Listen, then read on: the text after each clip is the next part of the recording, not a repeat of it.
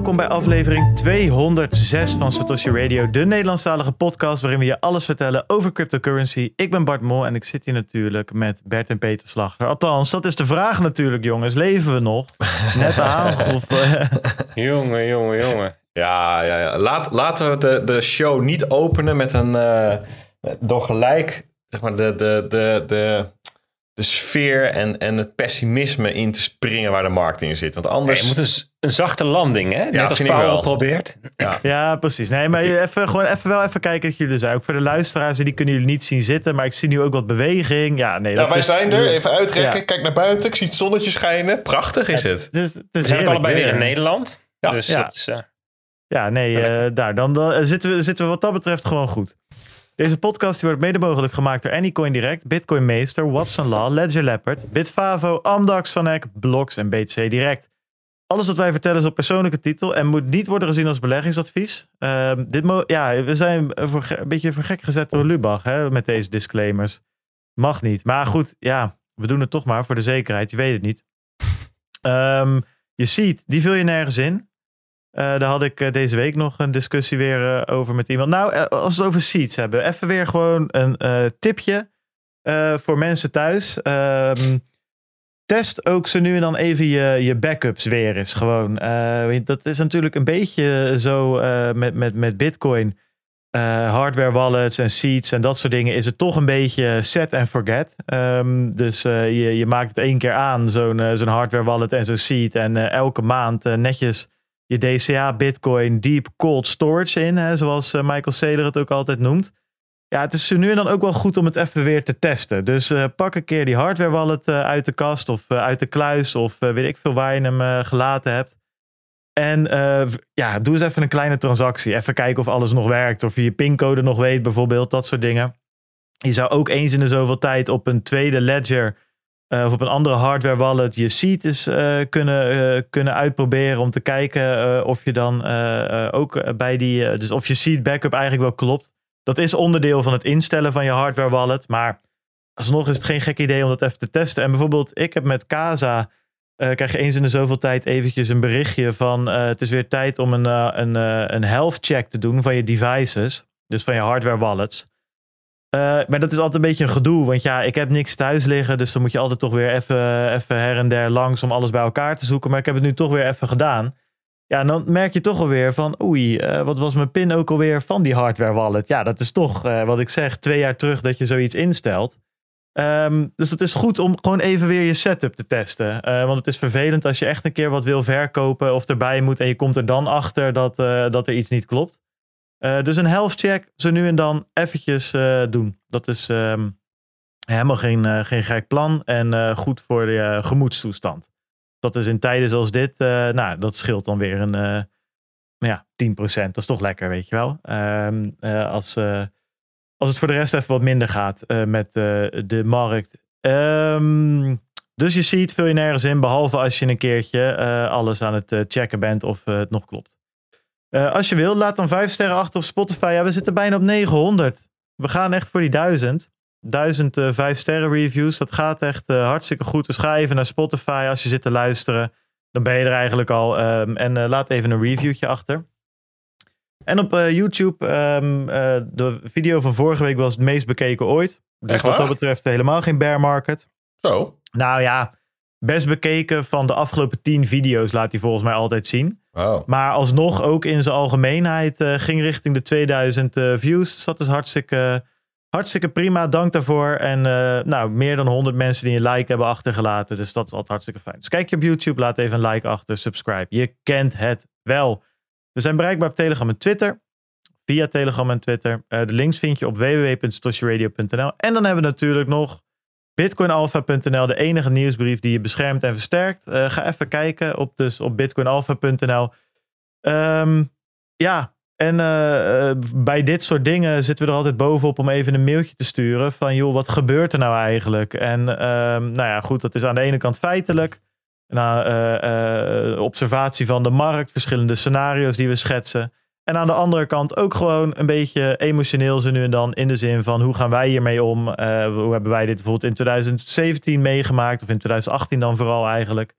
Ehm, ja, en wat, wat, wat zijn de dingen? Hoe kan je wapenen tegen dit soort. dus niet alleen qua scenario's, maar ook gewoon qua emotionele weerbaarheid.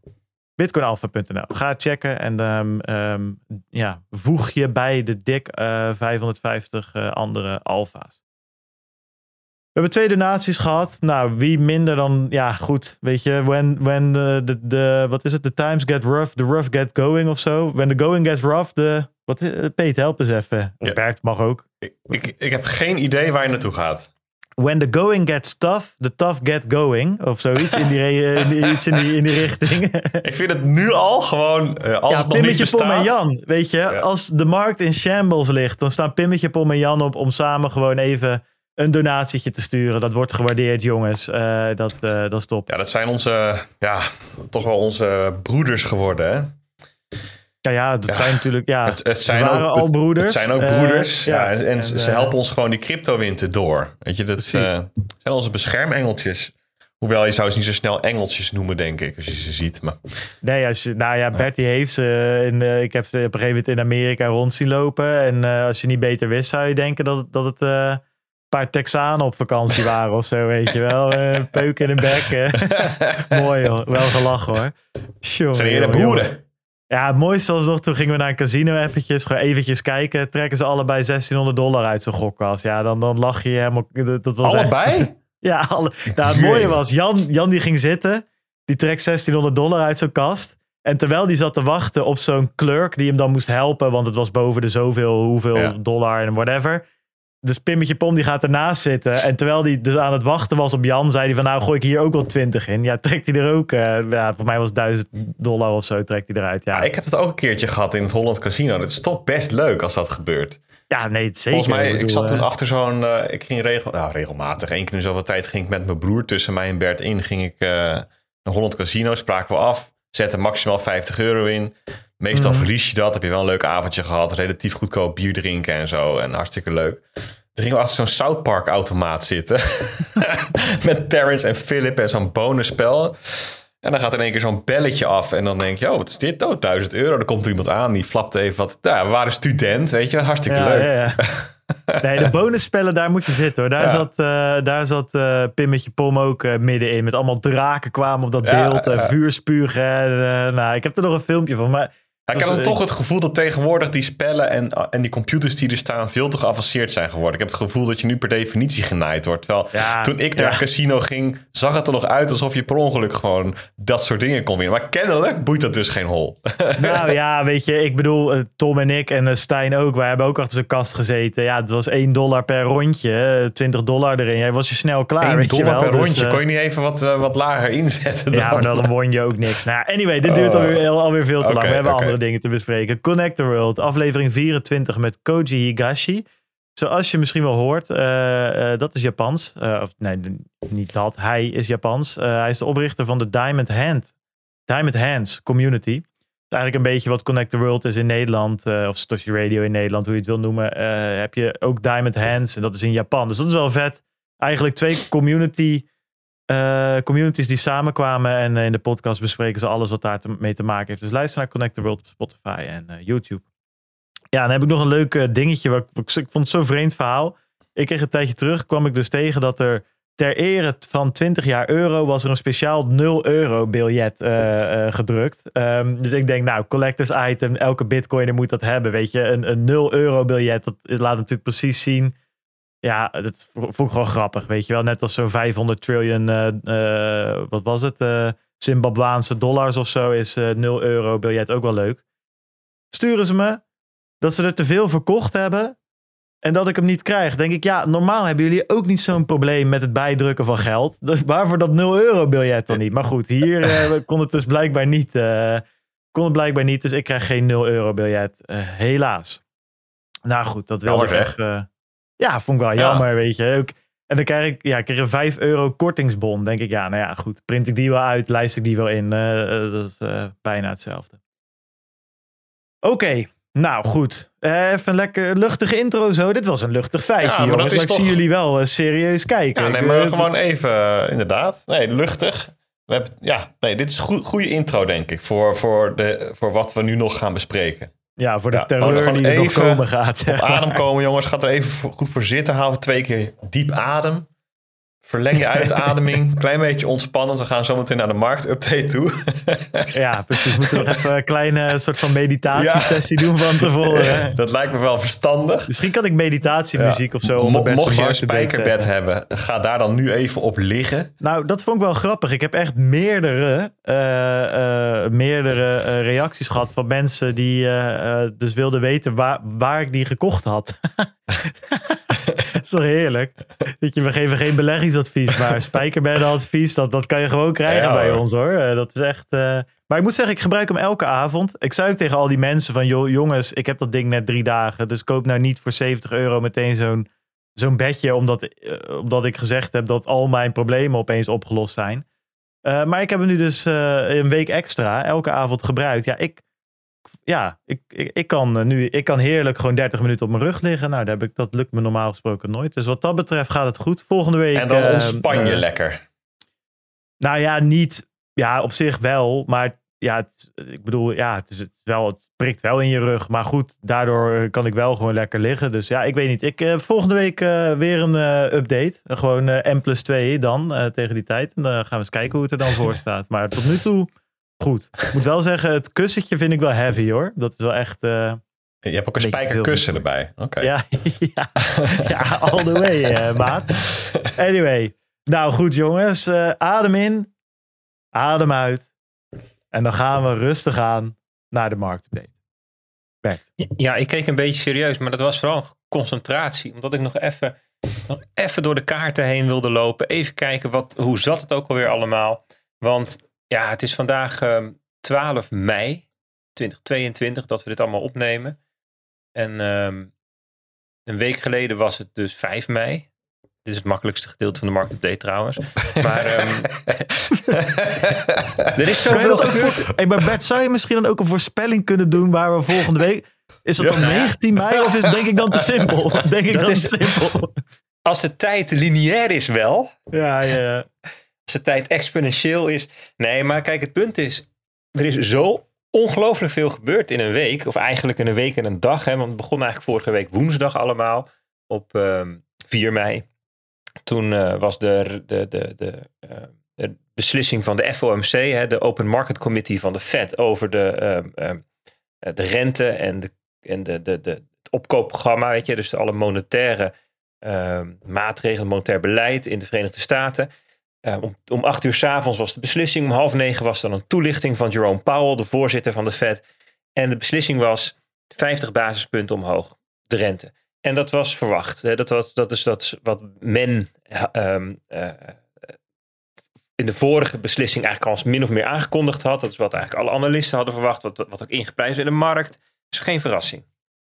In de toelichting kwam daar iets bij, ehm, namelijk ehm, eh, dat Jerome Powell zei van nou, we zijn op dit moment zijn we niet van plan om uh, met 75 basispunten uh, te gaan verhogen de komende uh, bijeenkomsten.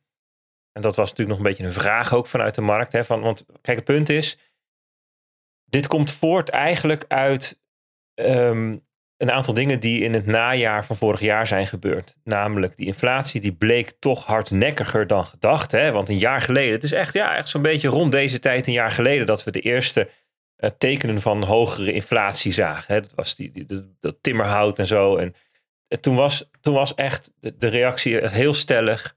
De, de, de, deze inflatie is transitory, is van voor, voorbijgaande aard. Dus het gaat, we hoeven hier eigenlijk niet op te reageren. Um, want dit gaat vanzelf weer weg. En dat was op zichzelf, voor wat op dat moment waarneembaar was, ook niet zo'n hele gekke analyse. Um, de inflatieimpulsen die er toen waren, waren ook hoofdzakelijk van voorbijgaande aard, in hun aard. Um, alleen ja, je kunt natuurlijk een hele hoop um, tijdelijke inflatieimpulsen achter elkaar krijgen, waardoor het toch langdurig wordt.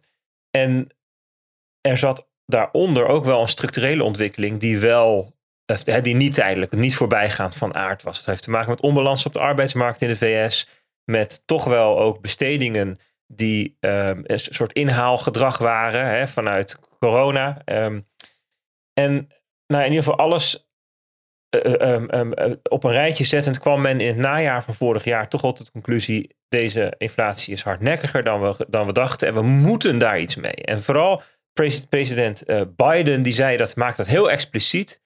Ehm, het is aan de Fed om dit op te lossen.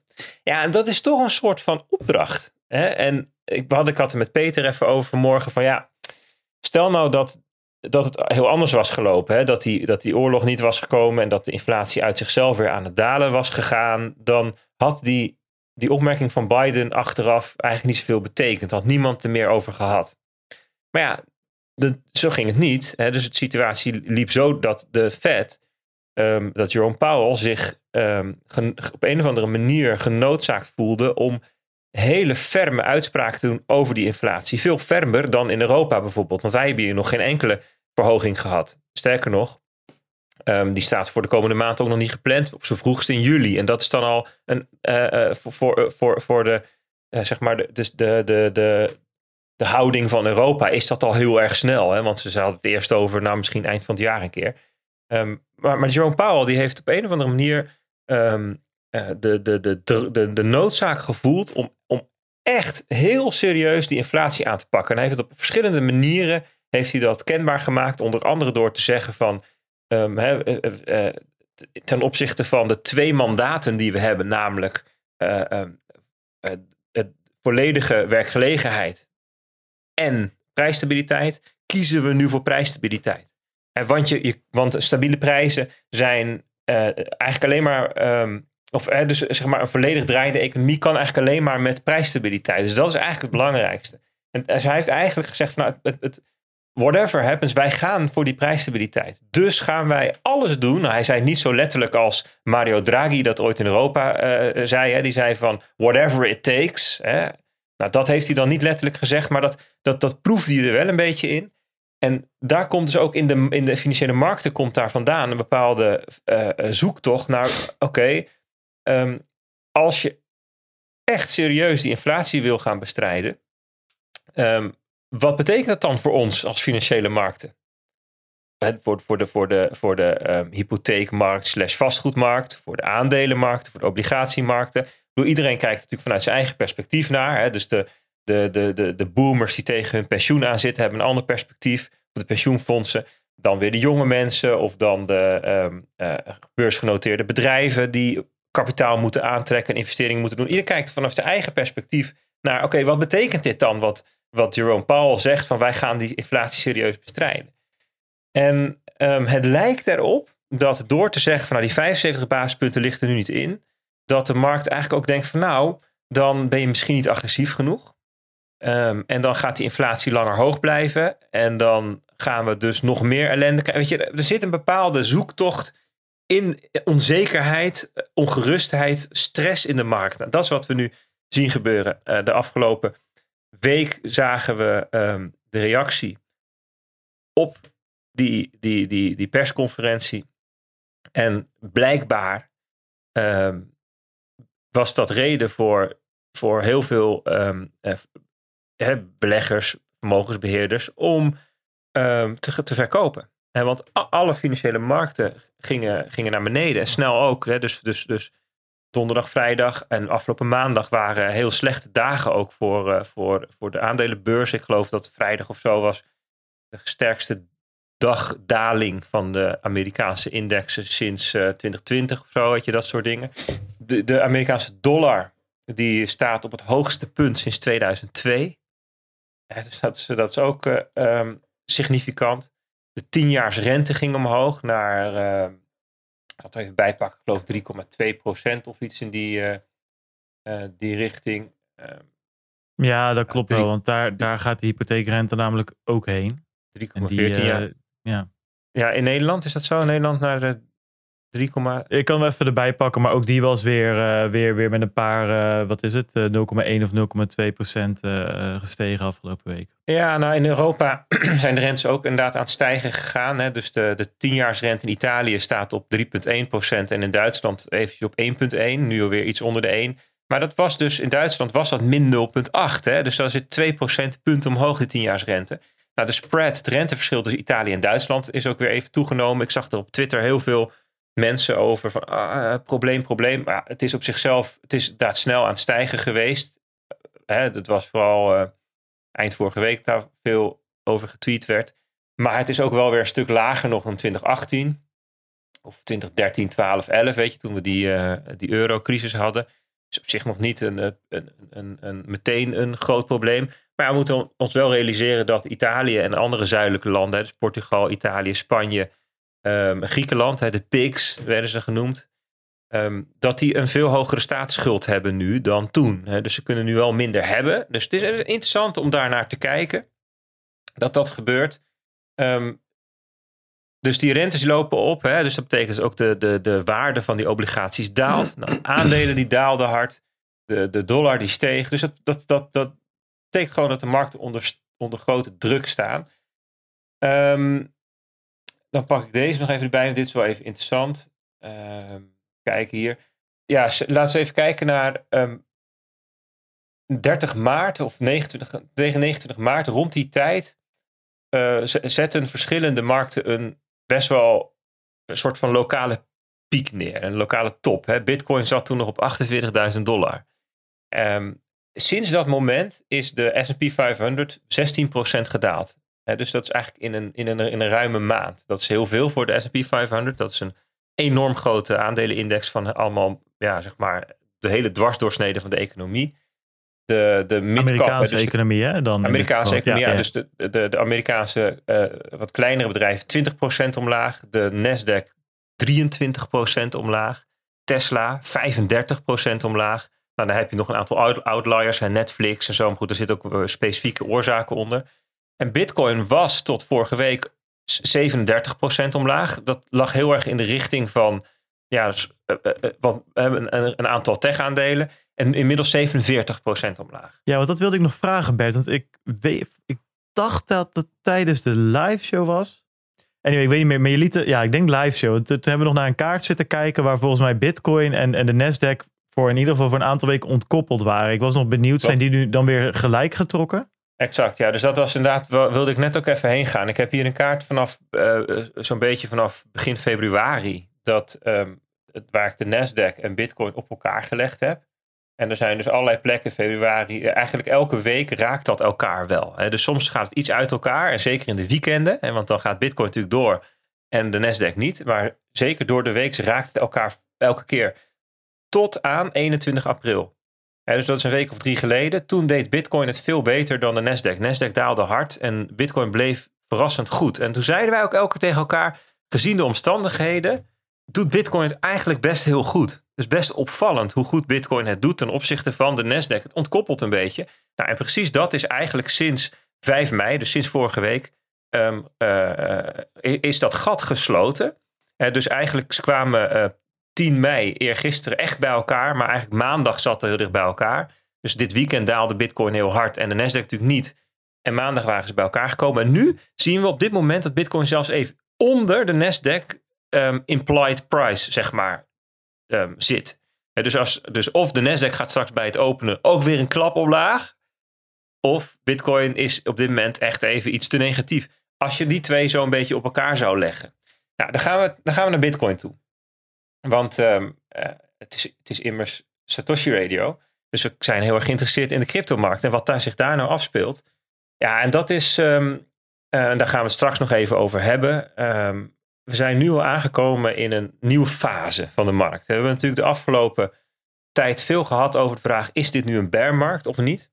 En ook altijd gezegd van ja, er zijn indicatoren die duiden op boel en op bear. Uh, die, ze spreken ook elkaar tegen. En er zijn aanwijzingen voor, of er zijn, er zijn, ja, er zijn, er zijn metrics die zitten in boelmarkt territorium en er zijn metrics die zitten in bearmarkt territorium. Daarmee bedoel ik, ze geven waarden die je vindt in een bearmarkt of waarden die je vindt in een boelmarkt. Um, en een van de dingen die de, de afgelopen twee maanden wel echt al heel zichtbaar was, sentiment. Dat was heel negatief. In, in, in alle financiële markten hoor. Heel bearish. Um, uh, de fear and greed meter stond, staat ook al een tijdje gewoon vrij laag. Um, een ander uh, onderdeel is Ehm, activiteit op het netwerk. dus het aantal nieuwe adressen, aantal nieuwe entiteiten, transactievolume, uh, weet je, dat soort zaken, ja, gewoon bearish. In de zin van een heel groot verschil met de periode van zomer 2020 tot zomer 2021. Hè? Dat, je, dat, je, dat je gewoon oplopende activiteit zag. En, en, en nou ja, zeg maar echt, ja, dat was dan uiteindelijk culmineert dat in, in een hype. Hè? En, en dat is niet per se waar je, wat we natuurlijk allemaal willen. Maar dat is wel de periode dat in een land als Nederland um, er in een jaar tijd 60% groei is van het aantal cryptobezitters. Ja, dat soort groeicijfers zien we nu niet. Um, dus dat, dat, dat hadden we eigenlijk al maanden, dat het elkaar een beetje tegensprak. En, um, maar er waren ook allerlei metrics die zaten nog ja, eigenlijk meer in het terrein van ofwel het einde van een bearmarkt, ofwel gewoon een correctie in een boelmarkt. dat heb je natuurlijk in de boelmarkt vaker gehad, hebben dat gehad. En je hebt dat in het algemeen, dat ja, markt heel snel stijgt. Want mind you, maart 2020 was de koers onder de 5000 dollar. Ik, ja, weet je, het is een beetje afhankelijk van je, hoe goed je getimed hebt. Maar je kon geloof ik voor, voor rond de 4000 dollar kopen toen. Um, en um, zeg maar um, in mei of april en in, in oktober, november hadden we koersen boven de 64.000 dollar. Nou, 4.000 naar 64.000, even uit mijn hoofd, 16 keer. Dus je, je had, met een beetje timing, 16 keer je, je, je, inleg kunnen hebben. Ja, kijk, dat zijn natuurlijk stijgingen zo groot dat, je, dat het ook niet gek is dat zo'n markt, eh, dat er mensen winst nemen, gaan herbalanceren enzovoort. Dus eh, zeg maar het, het, het ehm, de, de uitleg van de data van jongens, dit is een correctie in een boelmarkt, die, die was ook mogelijk. Omdat we bepaalde dingen nog niet zagen. En een van de dingen waarvan, waar wij het ook vaak over gehad hebben, ik weet niet of we dat in de show vaak hebben gehad, maar wel vaak tegen elkaar gezegd van het is opvallend hoe sterk die altcoins blijven. Er is gewoon heel veel flauwekul, zeg maar de, Dogecoin, Shiba, Floku-achtige eh, categorie, allerlei NFT-dingen, uh, um, uh, een hele waaier aan allerlei al half geflopte projecten en die treden allemaal nog best oké. En dan kwam Silica weer ineens met 300% stijging, weet je wel. Dan denk je, ja, is dit nou bearmarkt? Als ik dat dan vergelijk met 2018, 2019, hoe dat dan voelde. En dan zag je, je zag echt nou ja, projecten gedeeld door 10. En dan denk je van, nou, nu zijn we er. Ging het nog een keer gedeeld door 10. weet je wel. Ja, maar dat, dat is natuurlijk wel inderdaad iets wat... Ik denk achteraf gezien, want eh, we hebben de afgelopen weken precies wat je zei. Wat houdt Bitcoin zich sterk, zeg maar. En, en uh, toen hebben we ook een paar keer gezegd van, of de vergelijking getrokken van ja, het voelt wel echt als dun ijs, zeg maar. Het is nog niet alsof we echt die, echt die gut punch gekregen hebben. Echt zo'n vieze leverstoot, weet je wel. Dat je echt, dat, dat, dat je echt ineen krimpt, zeg maar. En precies wat je zegt, al die, nou ja goed, we hebben een keer natuurlijk uh, uh, een aflevering gemaakt. Dat, dat was voor mij met z'n tweeën, Bert, toen we die discussie over, over die NFT's gehad hebben. En ook van ja, goed, hoeveel, hoeveel zijn die apen nou objectief gezien waard en, en kan dat? En er zijn te veel van dat soort dingen die inderdaad nog veel waard waren. En, en ja, uiteindelijk is het. Had ik liever gezien dat we lekker op de 40.000 waren blijven hangen. Maar nu begint het wel. Zeg maar, die gut punch begint wel een beetje te komen. En voor veel mensen, voor wie dit de eerste keer is, uh, kan ik me voorstellen dat dit echt eventjes schrikken is, natuurlijk. Ja, en het, het, het punt is een beetje dat Um, en dan, wordt het even iets filosofischer, iets, iets um, conceptueler. Maar bij een, bij een extreem vrije markt zoals uh, crypto, waarbij uh, honderden, duizenden projecten ontstaan, experimenten. daar is het heel erg belangrijk dat af en toe het vuur zijn reinigende werking doet. Een beetje zoals in het bos. En het bos verzamelt zich zo nu en dan doodhout. Bomen gaan dood, struiken gaan dood, vallen om, whatever. En dat, dat wordt dor. En dat is brandbaar materiaal. En dan zo nu dan slaat de bliksem in en dan brandt dat brandbare materiaal weg. En dat de, de, zeg maar de, de, de, de mineralen en de voedingsstoffen komen weer vrij. En, um, en, en dat, dat maakt weer ruimte voor nieuw leven. Voor nieuwe projecten, voor nieuwe initiatieven, voor nieuwe experimenten. En voor, meer bitcoin-maximalisten over het algemeen. zeker, hè? dus um, er wordt, uh, het is ook een beetje het rammelen aan de deur, even er tegenaan trappen van houdt het of niet, werkt dit of niet. Kijk, en dan gaan, zometeen gaan we het over Luna hebben. Kijk, Luna is ook al de zoveelste generatie stablecoin. Het is niet de eerste keer dat we het proberen. En elke keer wordt het wel een stukje beter. En de vraag is, is het inmiddels goed genoeg? Nee, steek het in de fik en dan kijk je wat er gebeurt. En als het, blijft, als het dan daarna nog bestaat, dan denk je, jongen, het kan iets aan. Kijk, bitcoin is al 40 keer in de fik gestoken. Bitcoin is al honderdduizend keer tegen aangetrapt. En het staat nog steeds. Bitcoin gaat niet zomaar weg. En dat kan echt, ik bedoel, we gaan, we, we gaan het zo meteen heel even over Tether hebben. Het hele tether kan in elkaar storten en bitcoin blijft nog steeds bestaan. Ja, de, de bodem zal wat lager liggen dan als het niet in elkaar stort. maar, maar, kijk, dat heeft al zoveel meegemaakt. En dat geldt voor heel veel altcoin projecten niet. Um, die meeste daarvan hebben nog heel weinig meegemaakt. En dat, daarom maken wij ook best wel eens onderscheid tussen e-, Ether of Ethereum en heel veel andere. Want Ethereum heeft oprecht ook al een aantal uh, dingen meegemaakt. En, en is daar sterker uitgekomen. En dat is ook exact het grote risico van die hele uh, transitie naar proof of uh, stake.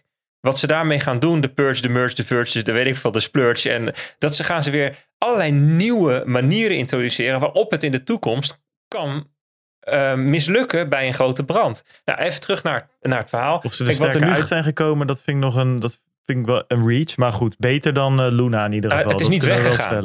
Nee, het is niet weggegaan. Terwijl bijvoorbeeld een EOS, ja... Ja, nee, nee, dat, een Neo, dat is een. Een, uh, nou, we kunnen ze allemaal. De, de, ja, de, hè? Wie kent ze nog? Ja. Nano, ja. Maar goed, kijk, en, en, en, daar, en daar gaan, het gaat dus nu, er gaat dus nu een hele nieuwe klas ontstaan van, van projecten waarvan we over vijf jaar zeggen: hey, weet je nog? Cardano. Hè? Noem maar een voorbeeldje. Maar oké, goed. Dus, dus het rein, de reinigende werking is heel erg belangrijk in zo'n in zo'n um, hele nieuwe markt. En, en dat, hebben, dat hebben we dus eigenlijk sinds 2019 niet gehad. Hè? Want het is in, in zomer vorig jaar kelderden die koersen allemaal wel. Maar de Bitcoin dominance die steeg niet heel erg veel. Met andere woorden, Bitcoin kelderde 50% en die alts die kelderden ook. Sommige 30%, sommige 70%. Er zit wat variatie in.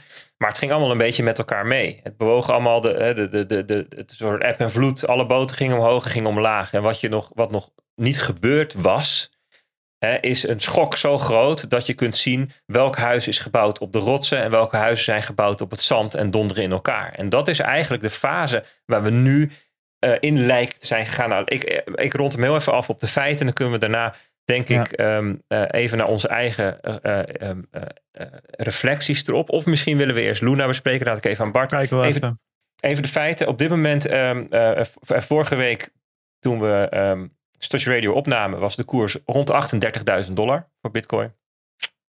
Um, en die is eigenlijk, uh, uh, nou er zit één dagje tussen, dat was 10 mei, uh, mei, dat maandag, dat het allemaal nog wel meeviel. Maar voor de rest zijn het allemaal rode candles en, en stevige ook.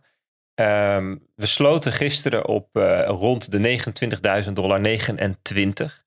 Um, en de, de wick aan de onderkant gisteren was al 27.600. En dat betekent dat die lager was dan de laagste punt vorige zomer. Dat was namelijk 28.800. En ook lager dan de allereerste correctie in 2021. En na die enorme run-up vanaf begin, begin december op uh, 17.000 naar 40.000. Dat was echt een, enorm tijdens de kerstvakantie 2020. Kreeg de eerste correctie ging naar 28.700. Dus je hebt eigenlijk een een aantal keren dat die koers zo op de 28.000, 29.000 daar, daar, daar is gedaald. Namelijk in januari. In uh, een heel klein beetje eerste teentje in het water in mei vorig jaar. Wat steviger in juni vorig jaar. En dan ter afronding nog in juli, juli vorig jaar. En daarna ging we weer omhoog. En hebben we de afgelopen periode elke keer de 30k gezien, maar niet onder de 30k. En dan nu, gisteren, of eigenlijk eergisteren, weer in die zone. En toen was de vraag, is hier nou genoeg interesse in Bitcoin op rond die 30.000 dollar om daar een bodem te vormen? Het was best een mooi verhaal geweest. Hè? Dus elke keer iets onder die 30.000. En elke keer als we onder de 30.000 kwamen, dan stond daar een leger aan mensen klaar die Bitcoin, die Bitcoin wilden kopen. Op slurpen. De weelzegenaar. Op dweilen. Echt. De, de institutionals liggen daar om enorme bakken Bitcoin te kopen. En we hebben dus um, gezien gisteren eigenlijk voor het eerst, gisteravond, dat het niet het geval is. En vanmorgen ehm, daalde die koers verder naar uh, het laagste 25,5 of zo ongeveer. Ja, Pak een beetje. 25.300 op Coinbase. Ik kijk op Coinbase, want ehm, ook Tether heeft het zwaar. Daar gaan we het straks denk ik ook nog wel even los over hebben. Ehm, ja, dus we zijn, we zijn eigenlijk nu aangekomen in die zone die wij altijd hebben aangewezen als dit is waar je terechtkomt bij een capitulatie. En een capitulatie is het moment dat een groep mensen die tot dat moment heeft gedacht, ik, uh, ik houd vast, dat die eigenlijk tegelijk besluiten van nee, ik, uh, ik, ik, ik hang mijn wallet in de wilgen, ik stop ermee, ik vind het mooi geweest, de groeten, ik geloof er niet meer in, verlies het vertrouwen, um, ik stap uit. En in het, en de, de, capitulatie is niet iets van crypto, niet iets van bitcoin. Dat zie je in alle financiële markten. Er zijn er al honderd jaar wordt daarover geschreven en geanalyseerd. En ja, zo'n capitulatie heeft een bepaald patroon. Je ziet het volume dan enorm stijgen. Nou, dat zien we dus nu gebeuren. De, de daily candles die zijn ho het hoogste punt sinds mei vorig jaar. En, en, en dus het volume zie je weer terugkomen. En het, het, moet waarschijnlijk nog wel hoger worden. Um, uh, en we hebben eigenlijk altijd als in het verleden voor Bitcoin als target gezien dan dat je, dat je dan een beetje rond de 200 weekse moving average uitkomt. Hè, dus 200 weken is een jaar of vier. Dus het gemiddelde van de vier jaar daarvoor, dat blijkt in de praktijk vaak ja, toch een beetje aan te geven. Dat, dat is een beetje de regio waar dan zo'n capitulatie eindigt. Nou, die ligt nu op uh, 21.000, bijna 22.000 dollar. Je hebt ook nog de realized price. Dat is het punt. Um, dat is de gemiddelde aankoopprijs van alle bitcoin die in omloop is. En dus dat is het punt waarop gemiddeld um, alle bitcoiners bij elkaar niet op winst en niet op verlies staan. Mhm. En dat, dat, die, die, die, daar, daarmee interacteert de koers ook heel erg vaak in dit soort uh, situaties. En dan denken we bijvoorbeeld bij het woord dit soort. Dus capitulaties, dan denken we aan maart 2020. Hè, dus die corona crash. We denken aan november 2018 tot en met april 2019. Hè, dat was eigenlijk de laatste fase van de bearmarkt na de, de, de, de boelmarkt van, van 2017. Ja, en daarvoor kom je wel in een territorium dat Bitcoin zo anders was van karakter nog dat het wat, wat lastig vergelijken is. Maar je zou ook nog kunnen denken aan de periode van januari 2015 tot oktober 2015 ja, dat soort periodes zie je dat die, die koers dus ehm, ineens een heel eind naar beneden klettert. En dan interacteert met de realized price, 24.000, met de 200 weekse moving average, 20.000 of 22.000 nu.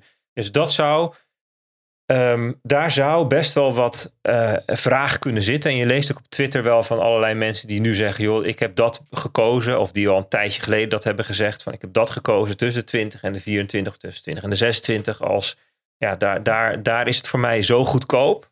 Dat ik daar weer een, een, een, een, een cyclische buy ga doen. Een generationele buy van ik koop nu voor de komende vijf jaar. En dan verwacht ik, en dan kan het zo'n bearmarkt best nog wel even duren. Dat maakt me niet voor uit. Maar dan komen we op een punt, ergens over drie, vier, vijf jaar, dat we weer een factor 10 hoger staan. Of iets dergelijks. Dus dat is, dat is wat er met Bitcoin aan de hand is, uh, mensen. Um, hebben in, helemaal op het begin van het jaar presenteerden wij twee scenario's voor het komende jaar. En daarin zeiden van, joh, het, het, het, ziet er gewoon niet, niet sterk uit voor alle financiële markten, voor risk assets en ook niet voor Bitcoin. En dat kan zich op twee, twee dus we hebben twee hoofdscenario's. Het ene is, ons bullish scenario is dat we een, een kwartaal of twee, ja, zo'n beetje rond die 200-daagse moving average slingeren. Hè. Dat is de, de Mayer multiple is één lijn. Nou, die loopt nu volgens mij op uh, eh, 46.000 of zo. En dan dat we daarna verder omhoog gaan. Het andere is dat we daadwerkelijk een capitulatie zien. En ja, dat scenario, dat is uh, waar wat mij betreft nu ingekomen zijn. Ja, nou ja, dan pakken we dat gewoon even op. Want dit was natuurlijk uh, hè, een, een, feitelijk uh, relaas over ja, wat er op de financiële markten, inclusief de crypto en de bitcoin markten, gebeurd is. en aan het gebeuren is ook, want het is nog niet klaar. we zitten er middenin. Maar wij dachten ook wel dat het ook wel even goed is om um, ja, wat emotionele steun te gaan bieden. Uh, een soort van capitula capitulatiestories heb, heb ik opgeschreven. Eh, Peter, ja, misschien, hoe, hoe, hoe ga jij met dit? Nee, maar ja, serieus. We moeten ook een beetje. Nee, maar kijk, wij waren erbij in 2018. Ja, maar Peter, moet je wij niet waren oppakken. daar. Die Peter die moet ook gewoon eens even, even lekker Nee, meedoen. nou, nee, maar eh. Peter, Peter had onze voorbespreking niet mee, want die, die is namelijk een briljant draadje aan het schrijven wat jullie straks kunnen lezen. Maar Peter, het idee nu was, online, as we speak. Nee, het idee was, Peet, dat, dat wij, wij hebben natuurlijk dat, dat toen ook meegemaakt. In, in november 2018, dat die koers van 6000, dat was elke keer steun, daar doorheen zakte naar 3000. En ja, wat gebeurde er En toen? corona natuurlijk ook. En in corona ook, toen zaten we bij de CryptoCast. Eh, Herbert, joh, willen jullie even komen? Onze gast kan niet. En toen, en echt, nou, een paar uur daarvoor kletterde alles. En eh, wat, nou, zeg maar, wat vinden we ervan? Dus we hebben het een paar keer meegemaakt van, en wat, wat, ja, wat gebeurt er dan? Hoe, hoe voelt dit? Hoe, Ah, ja, ik zat eigenlijk nog met mijn hoofd bij, eh, bij de marktupdate eigenlijk. In plaats van bij die, eh bij die capitulatiestories. En want ja, we zitten middenin, zeggen jullie. Ik Maar ben, ik meer ben er nog niet helemaal over uit. Wat, wat is nou ehm, eh, de primaire driver van waar we nu middenin zit, zitten? Is dat capitulatie in de brede zin van, van financiële markten, dus in die context? Of is dit primair gedreven door het hele Luna-Terra-ecosysteem debakel?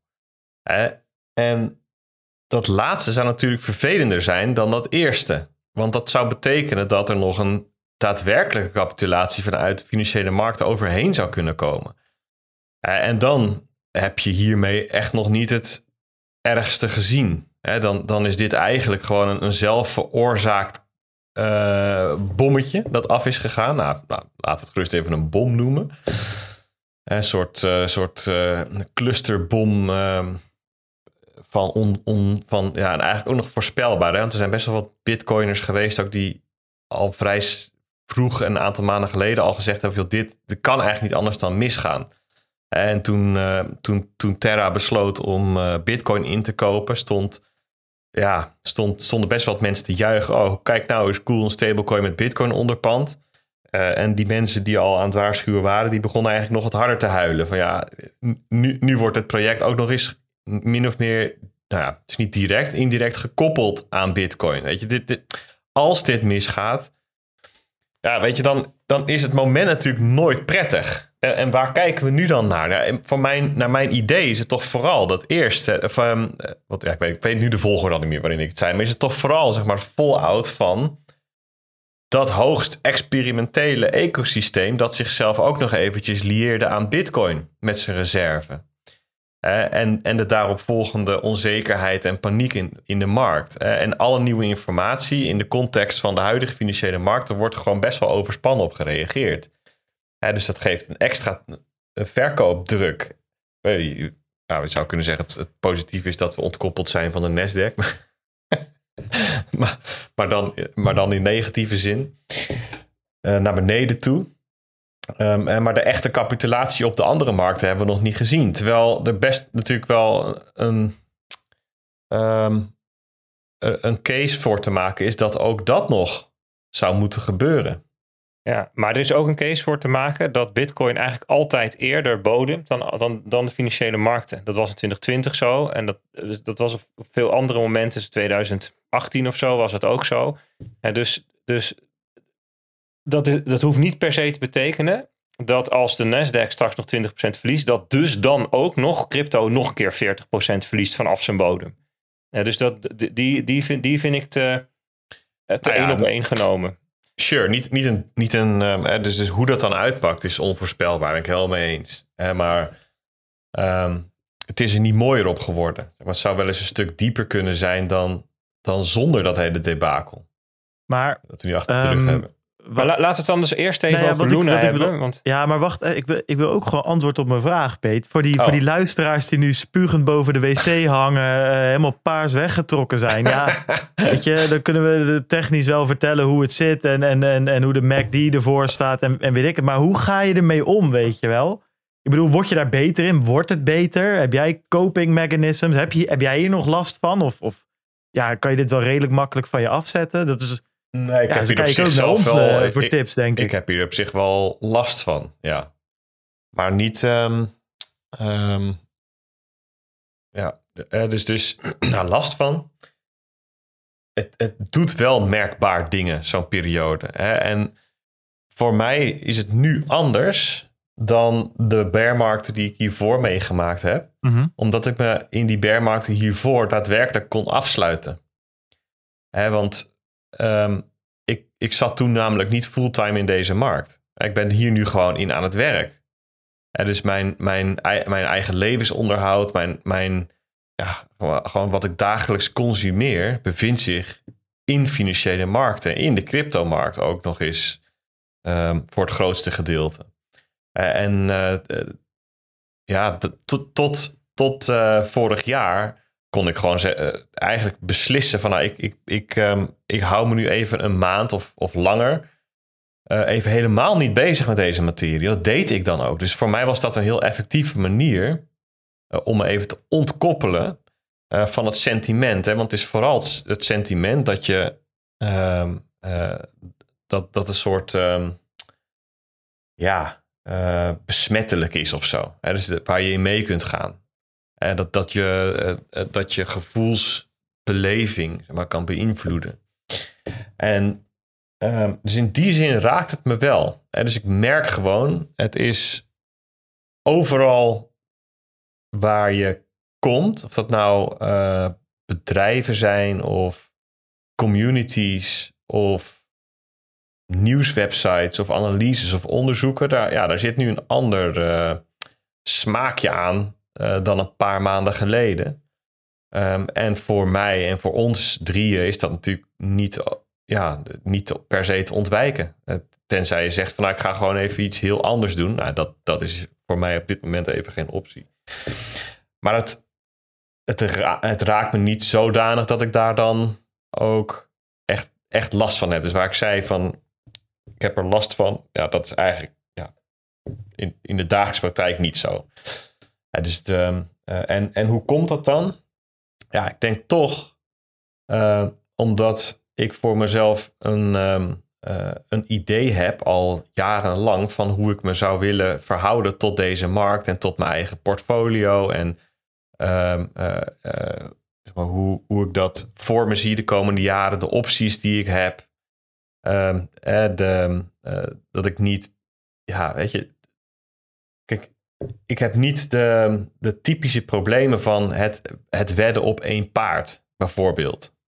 Of um, um, ja, op, op een bepaalde ondoordachte manier uh, die zo'n markt in zijn gestapt. Of dat, het nu, dat ik nu voor een verrassing kom te staan. Of dat ik niet nagedacht had vooraf over dit scenario. Weet je, dit zijn niet dingen die van mij uit de lucht komen vallen. En dan heb je denk ik op, ja, op heel veel marktparticipanten al een grote uh, voorsprong. Ja, en um, nou, het lijkt mij best wel um, heftig als je hierin zit, zonder dat je dat soort kilometers achter de kiezen hebt, zonder dat je dat soort patronen al hebt ingebouwd en zonder dat je ja, bewust bent van dat. Ja, wat het verschil is tussen investeren en speculeren, wat daarbij komt kijken, eh, wat zo'n plan precies behelst, wat je voor je kiezen kunt krijgen. Ja, en moet je je voorstellen dat je dat niet hebt en blootgesteld bent geweest bijvoorbeeld aan dat Terra-ecosysteem. Misschien wel met een groot gedeelte van je vermogen, hoe groot of klein dat dan ook is. Ja, dat is best wel, best wel een, eh, een klap, denk ik. Ja, veel mensen denken ook dat ze, of in ieder geval uh, nou, maak eerst je verhaal even af anders. Dat is, uh... Ja, nou, mijn verhaal heeft niet per se een begin of een einde. Dus ik zit gewoon even hardop uh, te reflecteren op... Ja, ik denk dat je, want ik denk dat je namelijk een paar, paar goede punten maakt. Want als ik het voor mezelf vergelijk met eerdere um, crashes, zeg maar. Zeg maar. Die eerste in 2017, dat, dat heeft mij van, hoe noem je dat, van, van mijn altcoin geloof afgebracht, zeg maar. Um, dat... dat en, maar het ding was, zeg maar, wat we echt capitulatie is, echt een capitulatiegevoel, is als je denkt dat je het wel snapte, maar dat gewoon even de grote boze wereld om de hoek komt en gewoon even laat, laat zien van nee, uh, ja, hodl is leuk in, in, met een dipje van 10%. Ja, dan kan iedereen zeggen, bij de dip, haha, wat lachen. Maar als er in een dag 95% van je portfolio uh, verdwijnt, dan, dan koop je niet meer lachend de dip. Weet je, dat, dat ja. doet echt pijn. Dat, dat, dat zijn echt die zeg maar 10% even eraf in een dag, dat is geen leverstoot. Zeg maar die, die 95% eraf, of zo'n workpool, gewoon al je centen kwijt zijn. Dat is een leverstoot. En dat, dat doet gewoon heel erg pijn. En die tweede dip, dat was in de, in de coronaperiode. Dat kwam er voor mij in één keer, eh, kwam ik erachter van, ja, het is natuurlijk leuk. eh, Michael Saylor, ja, dat was nog voor Michael Saylor trouwens zelfs. Maar ja, ja, voor Michael Saylor, dat was allemaal nog leuk en aardig van, eh, stop alles in bitcoin en het is eh, pristine collateral, een beetje die, dat soort verhalen. Ja, kijk, in het begin van die coronaperiode kwamen eh, banen op de tocht te staan. Althans, er was overal, in ieder geval bij, bij, bij PwC toen, en niet vanuit PwC zelf, maar wel op de werkvloer, dat er gewoon, ja, er was heel veel onrust, weet je wel. Is er nog plek voor iedereen? En dat bleek later ongegrond, maar dat wist je op dat moment niet. En toen merkte ik opeens van, hé, hey, wacht even, ik zit wel heel dik eh, in, eh, in bitcoin. En het zou ook wel fijn zijn dat als ik mijn baan kwijt zou raken, dat ik even eh, wat maanden vooruit kan. Nou, dat was de tweede les voor mij. En wat je dan nu merkt, is dat je nog steeds, kijk, je verliest dus gewoon geld. Is heel simpel. Bitcoin gaat omlaag. Ja, dan, dan, dan, dan, dan, dan verlies je je portfoliowaarde. En dat is nooit leuk. Eh, daarnaast, dat zei ik gisteren ook in de chat, eh, ook tegen jou Peter, ook tegen Bert natuurlijk. We hebben een chat met z'n drieën waar we ook wat dingetjes natuurlijk altijd bespreken, wat dingen doorsturen naar elkaar. Ik merk ook gewoon dat ik deze tijden gewoon niet leuk vind. Omdat je merkt, iedereen is on edge. En iedereen heeft toch, ook al zeggen ze van niet, een soort van coping mechanism om hiermee om te gaan. Ehm, dat kan zijn eh, lachen om shitcoiners die, die kapot zijn gegaan. Dat kan zijn boos worden op maxies die lachen om shitcoiners die kapot zijn gegaan. Dat kan opeens zijn het delen van allemaal eh, eh, negatieve dingen. Je zag ook bijvoorbeeld op, op Twitter opeens de ene analist die valt over de andere heen om nog een grotere recessie te voorspellen, weet je wel. Afgelopen paar maanden viel dat allemaal reuze mee en binnen een week was het de, de grootste doemscenario's werden over elkaar uitgespreid.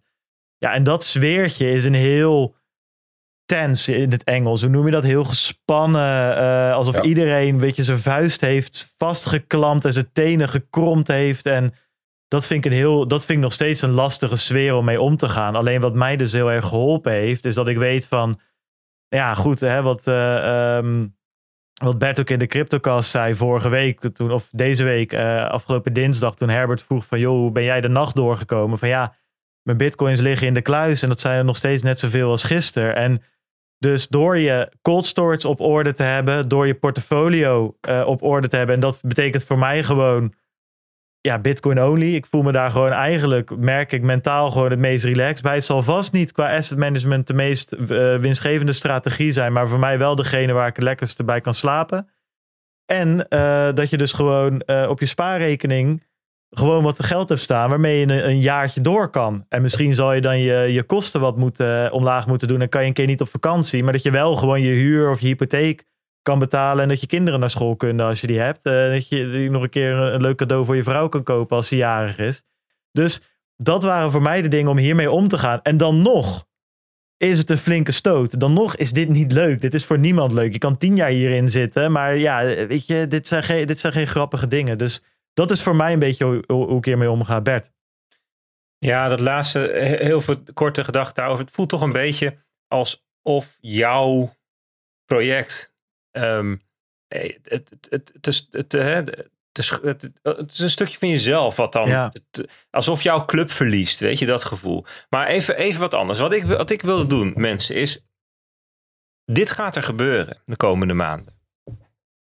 Waar we nu in zitten, is, is het begin van een periode van turbulentie, van onrust, van volatiliteit, van enorme heen en weer geslingerd worden tussen hoop en wanhoop, paniek, ehm, paniekverhalen, onzinnige paniekverhalen, terechte paniekverhalen. Het onderscheid ertussen heel lastig te maken. Terra, we moeten straks nog even over hebben wat er precies gebeurd is. Terecht paniekverhaal. Tether, ik denk een onterecht paniekverhaal wat er nu zich afspeelt. Hoge volumes, besmetting. Het ene project gaat iets mis, het andere leidt daaronder. Ehm, geruchten. die niet waar blijken te zijn. Geruchten die wel waar blijken te zijn. Ja, welke is dan waar? Projecten die totaal weggevaagd worden. Projecten die misschien een levendige community hadden, honderden miljoenen in, 99% verlies, dat gaan we meemaken. Het ligt nog voor ons. Ehm, dat is in ieder geval, dit zijn de patronen die je in de vorige fases, vorige bearmarkten kon zien rond deze periode. En het, het, het is, er, zijn, er zullen mensen weggaan. Er zullen mensen stoppen met crypto. De haters die hebben het gevoel dat ze gelijk hebben. Dus alle de Peter Schiffs, nou dat zijn nog de redelijk onschuldigen, maar de, de, de vilijne columnisten die gaan. Ja, Lubach over- heeft het kapot gemaakt, hè? Zijn gaan- column eh, heeft ervoor gezorgd dat we nu in deze shit zitten, natuurlijk. Ja, maar goed, Lubach was nog eh, cabaretesk of zo. Maar er zullen ook een soort van hatelijke overwinningscolumns komen. Van zie je nou wel? Ehm, eh, de haters die zullen dansen op je graf. Een beetje dat gevoel. Zonder enige terughoudendheid. Ehm, toezichthouders en, en wetgevers die zullen dit aangrijpen om te zeggen, zie je nou wel, hier moet een enorme bak aan regels omheen, want het is giftig, smerig, vies, goor ehm, eh, eh, gebied. Hier- hè, Dit, dit, moet, dit mag nooit niet nog een keer gebeuren. En dat zullen ze dan omkleden met allemaal dingen als ja, m- hele zielige mensen hebben allemaal heel veel geld verloren. Nou, voor een gedeelte is het zelfs ook nog waar. Ehm, en voor een gedeelte is het ook goed dat er regels komen eh, om consumenten te beschermen, bijvoorbeeld, of om, om, om eh, dienstverleners ehm, eh, te zorgen dat ze eh, daadwerkelijk in kas hebben wat ze in kas zouden moeten hebben. Er zijn wel allerlei dingen die, eh, zeg maar, cowboy gedrag waarvan het prima is, is dat als dat weggaat. Hè? Want het is voor een gewone consument echt onmogelijk om het verschil te zien tussen een exchange die, die eh, netjes alles in kas houdt, in de kluis houdt, en een exchange die fractioneel gaat zitten bankieren of er een potje van maakt. Dat is gewoon ontzettend lastig. En als dat, ja, dat, eh, eh, alles wat bij een, bij een cryptodienstverlener of bij een financiële instelling gebeurt, is niet on-chain, is niet zichtbaar. En Dus dat moet je maar geloven, moet je maar vertrouwen. En ja, je hebt die, dat soort partijen wel nodig nog om te interacteren met ehm, eh, nou ja, de fysieke wereld, zal ik maar zeggen. Dus dat daar wat gereguleerd wordt, dat is misschien alleen maar heel goed dat dat ook stevig gebeurt. Maar dat gaat wel gebeuren. En uiteindelijk komt er een moment dat eigenlijk ook iedereen zijn interesse verliest. En dat, dat die columnisten ook geen columns meer schrijven. Dat nu.nl het eigenlijk niet meer over heeft. Dat, dat er een bepaalde gelatenheid ontstaat. Dat was echt een situatie in, eh, eind in de loop van 2019. Ik kan me nog herinneren, zat in, de, in Frankrijk op de camping. Een stukje te schrijven, lekker cryptisch. Over CBDC's en zo. En ja, wie, wie, wie was er eigenlijk nog in geïnteresseerd in, het, in, dit hele, in deze hele technologie? Er werd vooral, en daarom, daarom, daar komt ook dat spreekwoord vandaan, hè, bear markets are for building. Wat er dan nog overblijft, dat zijn de mensen die echt geloven in de technologie, echt geloven in decentrale technologie en wat dat allemaal kan ontwrichten.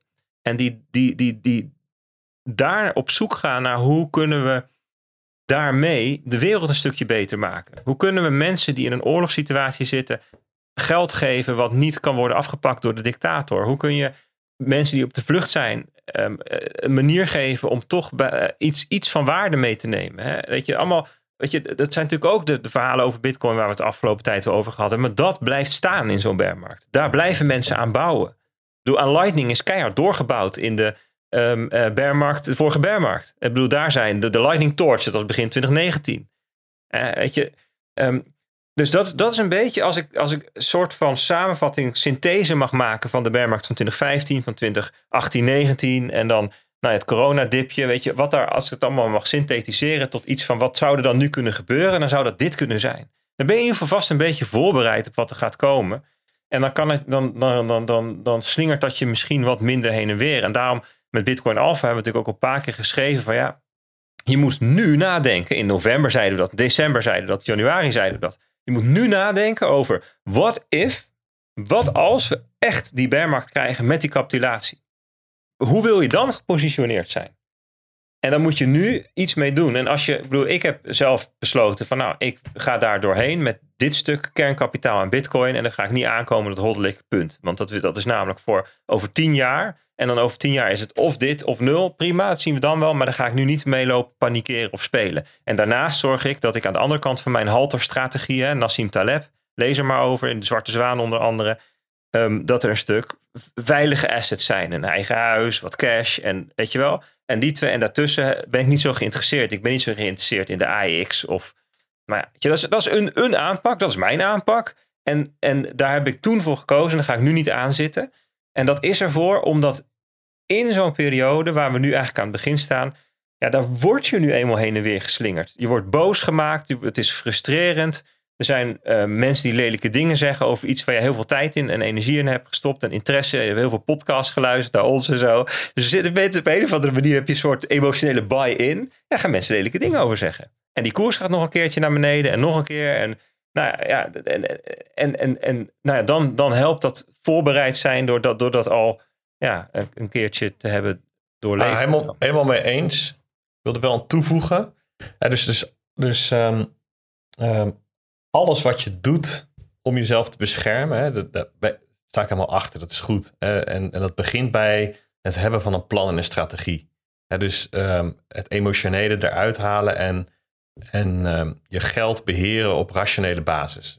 Dat, dat, is, dat is denk ik het, startpunt en het allerbelangrijkste.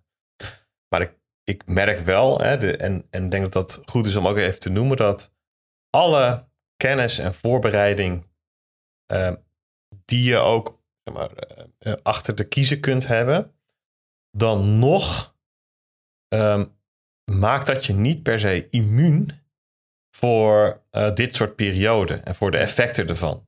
Het is dus, eh, als ik voor mezelf spreek, niet zo dat, dat alle kennis die ik heb, alles wat ik meegemaakt heb op, in, in financiële markten, alle strategieën die ik heb uh, enzovoorts, um, als, alsnog heeft zo'n uh, zo'n bearmarkt, en ook een boelmarkt natuurlijk, alleen ja, daar heb je het dan minder snel over, gewoon effect um, uh, op je gemoedstoestand of op je, op je werk of op je, nou in ieder geval op je portfolio.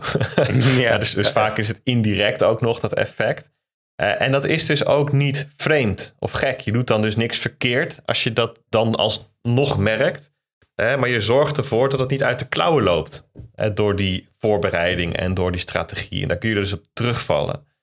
Nou ja, en um, ja, dat is dus denk ik goed om te weten. Ik heb de afgelopen tijd ook wel, uh, wel eens gedacht van ja, oké, ik heb een strategie en daar blijf ik gewoon bij. Maar het was toch leuk geweest als. Weet je, zo'n hindsight bias is gewoon, het is gewoon heel menselijk om dat dan te denken en te zien. En dat het dan toch nog even voelt als, alsof je een domme lul bent geweest, weet je wel.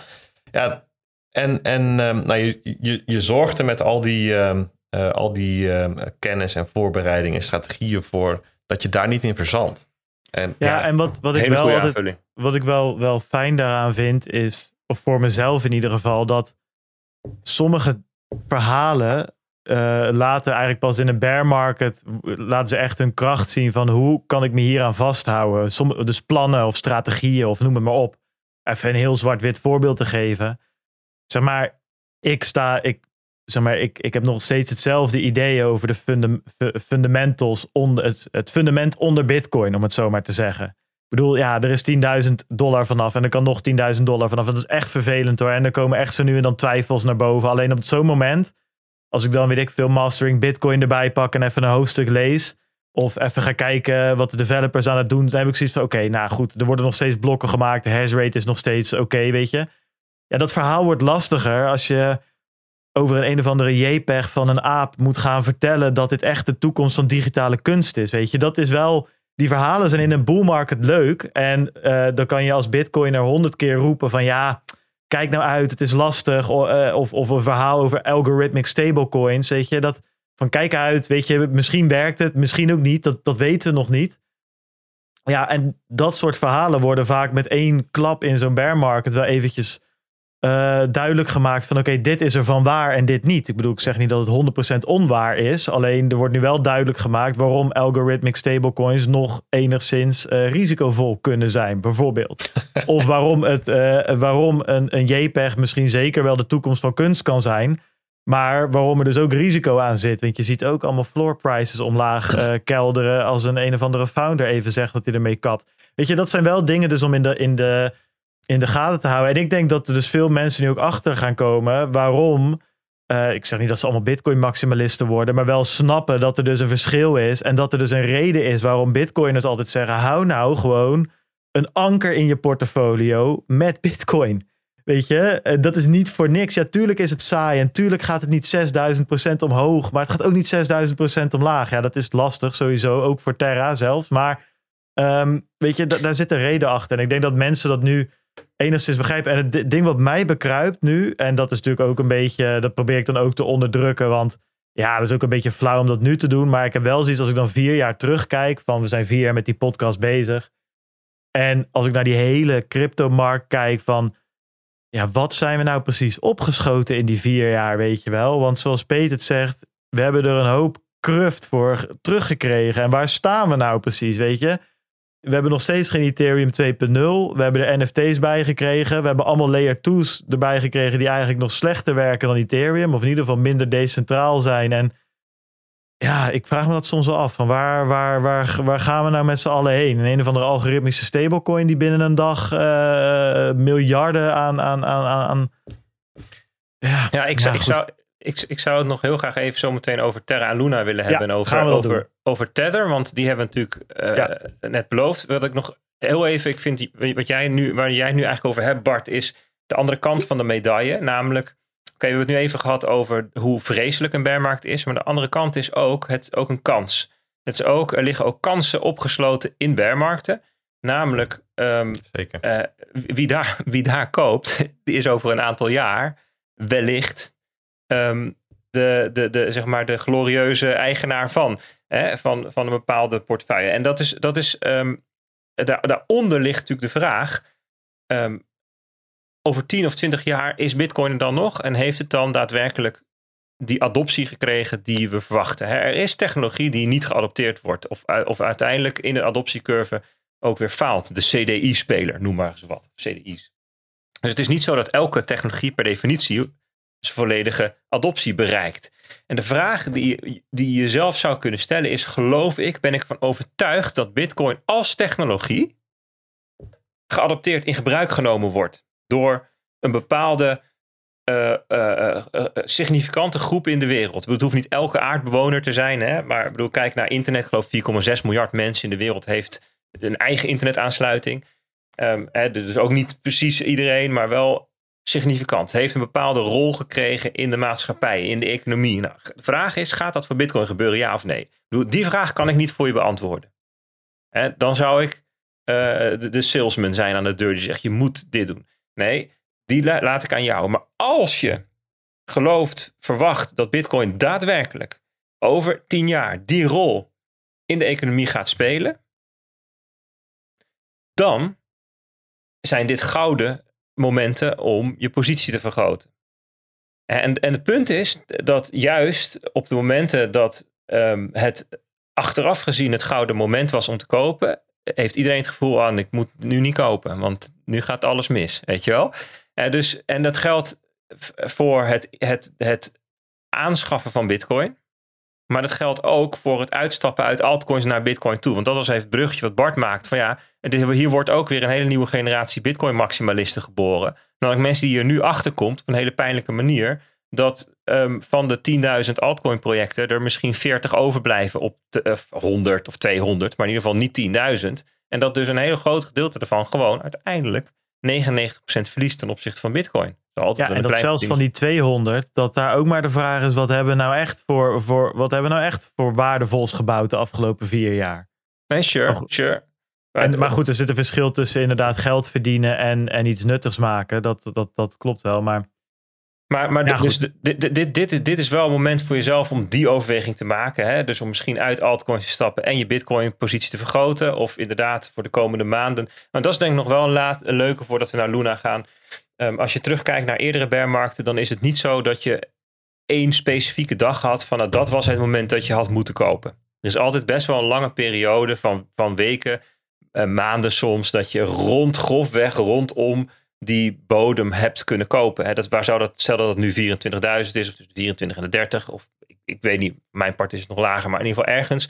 Dus je hoeft niet per se vandaag in paniek te kopen. Hè? Je kan ook gewoon zeggen, nou, ik wacht even af, even kijken hoe dat zich ontwikkelt. En dan eh, in de komende maanden, dan, dan, dan neem ik die positie in. En dan kan het best nog eens 20% dalen, dat zou kunnen, maar dan heb je wel ongeveer de generationele, de bodem van deze komende cyclus te pakken. Nou, dat Ja. zijn even nog wat gedachten. Laten we even naar Nou, Terra wacht. en Luna gaan, want Ja, Bart, jij had het mooi uit. eh, Ja, ik had het heel mooi uitgewerkt. Maar we gaan eerst even bellen met. Oh. Ehm, ja, ja, ja, ja. Ik bedoel, ik, ik waardeer de assertiviteit, Bert. Maar Ja. anders, anders komt hij helemaal aan het einde van de aflevering. En dat gaan we onze gast ook niet aandoen. Nee, even, even een break. Voor de luisteraar, die heeft nou eh, dik een uur eh, eh, geluisterd. Nou ja, goed, tien minuutjes aan het begin lekker positief. Maar daarna toch enigszins kommer en kwel. Maar we gaan eventjes lekker even bellen met, ja, met een vriend van de show. Deze week bellen we eventjes met... Willem-Jan Smits, crypto-advocaat en oprichter van Watson Law. Ja, Willem-Jan, long time no see, maar je bent er weer in de uitzending. Leuk om eventjes te bellen. Hoe gaat het? Zal ik daar eens even mee beginnen? Ja, leuk om te zijn. Het gaat goed. Mooi. We zijn druk bezig. We hebben ons team flink uitgebreid. Dus eh, ja, gaat lekker. Ja, precies. Nou, dat is een beetje eh, de, de, de algemene, de, de, hoe noem je dat? De, de gemene deler in cryptoland of in bitcoinland, dat, eh, dat het toch flink uitgebreid wordt. Goed om te horen. Daar gaan we het dan misschien een andere keer even over hebben. Maar wij belden jou even omdat we vorige week in de uitzending hadden, hadden wij, dus Bert, ik en Peter, hadden we een discussie ja, over Binance. En Binance heeft een registratie in, eh, in Frankrijk gekregen van eh, de Franse toezichthouder dat ze daar eigenlijk legaal hun diensten aan mogen gaan bieden. Ja, en toen dachten we ook weer een beetje, ja, is dat misschien weer een, eh, eh, een, een voorzetje voor, voor de MICA? Hè, de nieuwe eh, eh, regulering, eh, wetgeving die eraan zit te komen. Of waarom doen ze dit en waarom in Frankrijk? Toen dachten nou, weet je wat, we bellen Willem-Jan gewoon eens even om gewoon eens even te vragen van, joh, hoe staat het er nu voor met alle wetgeving en regelgeving in Europa eh, die eraan zit te komen met betrekking tot eh crypto-dienstverleners? Ja, nou, dat, dat is een goede vraag. Dus eh, laten we nog even een, een update daarvan doen. Nou, zoals we allemaal weten, Mika komt eraan. We verwachten dat ergens eh, 2024. Het is nog eventjes weg. Maar dat is wel de regulering die, die de hele cryptomarkt in één keer gaat pakken. Eh, dus daar zit, eh, daar zit eh, gedragstoezicht in, consumentenbescherming, informatieverstrekking bij het uitgeven van tokens, marktmisbruik, bewaking. Echt een breed pakket wat, wat in één keer over de markt uitgerold wordt. En daar zit ook een paspoortregime in. Dus dat betekent dat ehm, bedrijven die die, die die vergunning hebben, mogen in heel Europa actief zijn.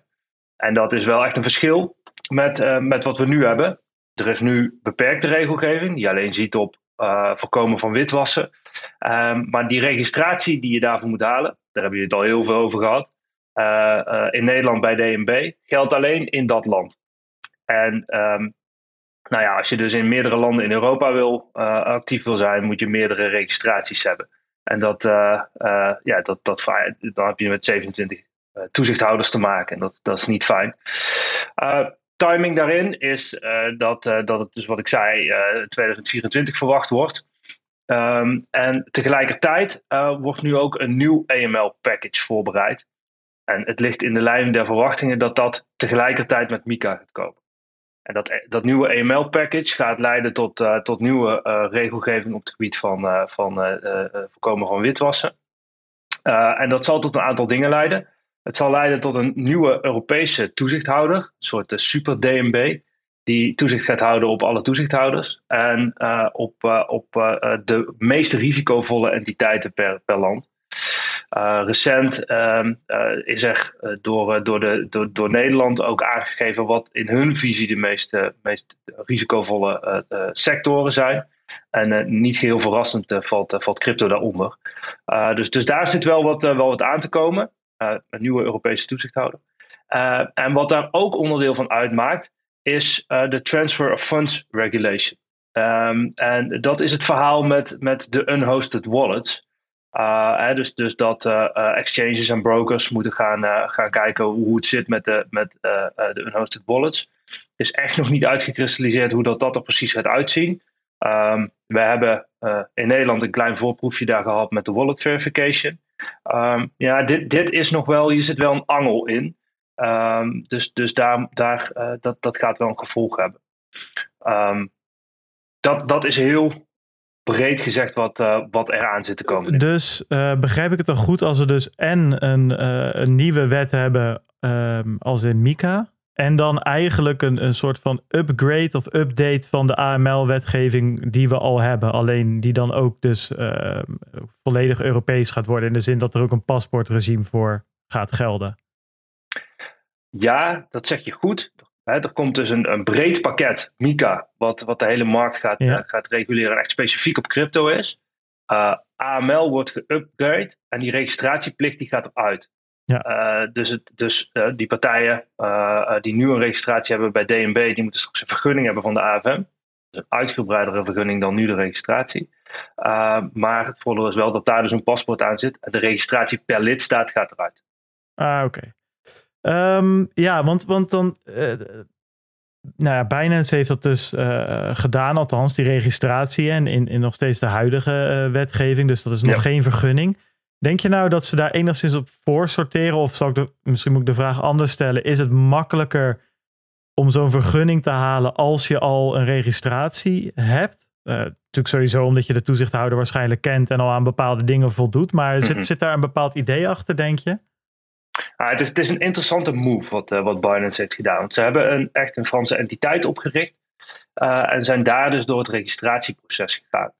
En we hebben best wel wat ervaring met verschillende registraties binnen verschillende lidstaten in Europa.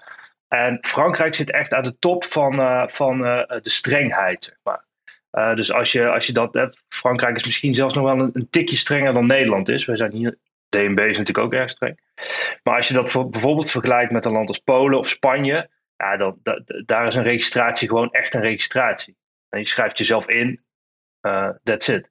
Dus, dus daar zitten hele grote verschillen tussen. Dus een, beetje dat ze... het, een beetje zoals het hier beloofd was in eerste instantie. Zo was het eigenlijk zou moeten zijn. Ja, ja. ja. Um, maar het is interessant dat het, dat het op die manier is, uh, is gegaan. Frankrijk uh, heeft in de voorbereiding op MICA uh, ook altijd echt gepusht op strenge regelgeving. Dus ze hebben specifiek gekozen voor een regelgever die streng is. Um, en dat, dat ze hebben ook aangegeven uh, dat, dat Frankrijk de, de Europese hub wordt. Uh, we hebben ook gezegd, voor what it's worth, dat ze er met 250 mensen gaan zitten. Dat, dat, dat is een serieus, uh, serieuze omvang. Ja. Dus het is wel te verwachten dat ze inderdaad daar een Europese hub gaan maken.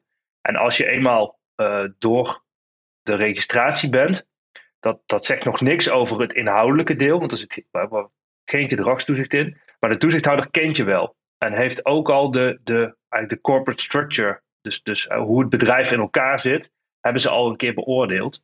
En, en dat is in het geval van Binance denk ik een, een hele grote stap. Uh, omdat er altijd heel veel mist is geweest over wie nou bepaalde diensten aanbiedt. Wie daar aandeelhouders zijn, wie de bestuurders zijn. Uh, Binance heeft ook de, de, hele wereld afgegaan. Van, van, van China naar Japan, naar Malta, naar mm -hmm. overal ter wereld. En nu hebben ze dus wel specifiek gekozen voor een plek in Europa. Um, en ook nog eens de, de streng, een van de strengst gereguleerde plekken. Uh, dus als je, om je concreet jouw vraag te beantwoorden, als je eenmaal door zo'n registratieproces heen bent gegaan, dan is het absoluut makkelijker um, om, uh, om, om uh, vervolgens die vergunning te krijgen. Ja, ja, ja en, en om af te sluiten, dan ben ik ook nog wel benieuwd hè, hoe jij denkt. Ja, wat voor effect gaat dit hebben op die. misschien moeten we hem een be beetje beperken op de Mhm. mm -hmm. Nederlandse cryptomarkt. Um, ja, wat, wat, voor effecten denk jij te gaan, gaan zien de komende jaren door deze strengere en, en, meer omvangende wet en regelgeving? Nou, de Nederlandse cryptomarkt is voor de grote partijen, dus de grote jongens zoals Binance en FTX, echt een interessante markt. Uh, de adoptie hier is heel hoog. Mensen hebben geld. Uh, dus, dus men kijkt heel sterk naar deze markt. Dat zie ik ook terug in de vragen die ik van, van mijn cliënten krijg. Um, dus het wordt heel erg in de gaten gehouden, maar die echte grote partijen, die, de meeste hebben niet de strategie om in 27 lidstaten iets te gaan doen. Dus zij wachten echt af tot ze de Europese markt in één keer kunnen betreden. Uh, ofwel uh, nou, tot ze die markt in één keer kunnen betreden. En ik verwacht dus dat, ze, dat dit voor Binance een voorloper is op MICA. Ik zie meer partijen die zich aan het voorbereiden zijn op MICA. En voor de Nederlandse markt verwacht ik dan een consolidatieslag. Uh, dus zodra de, de, de echt grote partijen hier komen, dat je gaat zien dat zij in de Nederlandse markt aankopen gaan doen. Ja. dus, dus, dus marktpartijen gaan opkopen om, om ook daadwerkelijk marktpower te kopen. Aan de ene Ja. kant zullen ze het organisch doen door, door echt hard te concurreren. Dus de concurrentie zal, eh, zal toenemen. Eh, maar ze zullen ook eh, eh, eh, bedrijven opkopen.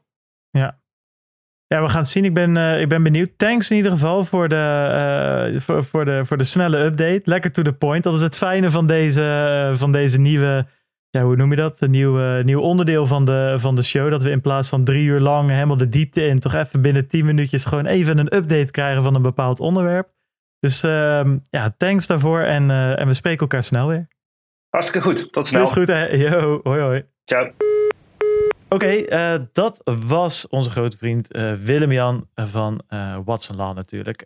Goed om er even bijgesproken te zijn over de Mika. Nou goed, dat was ook, ook, nou, dat was ook niet super luchtig, maar goed. We zijn in ieder geval in 10 minuutjes daar op de hoogte. Dat doet hij sneller dan, dan dat wij dat doen. Wij hebben er langer voor nodig. Ja goed, dat hij ja, dat... een echte, een echte advocaat die kan to the point dat eventjes even goed vertellen. Gaan we komen natuurlijk ja, in de toekomst nog vaak zat op terug. Gaan wij het nu over eh, ja, Terra eh, Luna hebben? Natuurlijk één. Wil je niet eerst reden- even de intermezzo van Lubach doen dan? Want dat heb je zo mooi voorbereid. Dus ik zonde vind als dat niet... ja, ja, ik wa- waardeer ook jouw assertiviteit, maar dat gaan we deze week niet redden. Ehm, ja, ja ik, had, ik had wel dingen van Lubach eh, op een rijtje gezet, maar ik, eh, dat heb ik eergisteren gedaan. En inmiddels, eh, ja, het is net als met, eh, met, met talkshows op tv. Soms moet je even schakelen. Ja, dan moeten we toch even over Terra en Luna hebben, denk ik. En dan ehm, mijn idee over of we eh, nog moeten reageren op dingen zoals Lubach en andere media dingen. Ehm, ja, goed, dat kunnen we ook volgende week bespreken. Die discussie is tijdloos, denk ik. Daar, eh, die, die, daar zit ik volgende week ook nog wel mee in mijn kop. Ehm, dus we hebben even Terra en Luna. Zal ik eerst even. Ik had, ja, voor mij.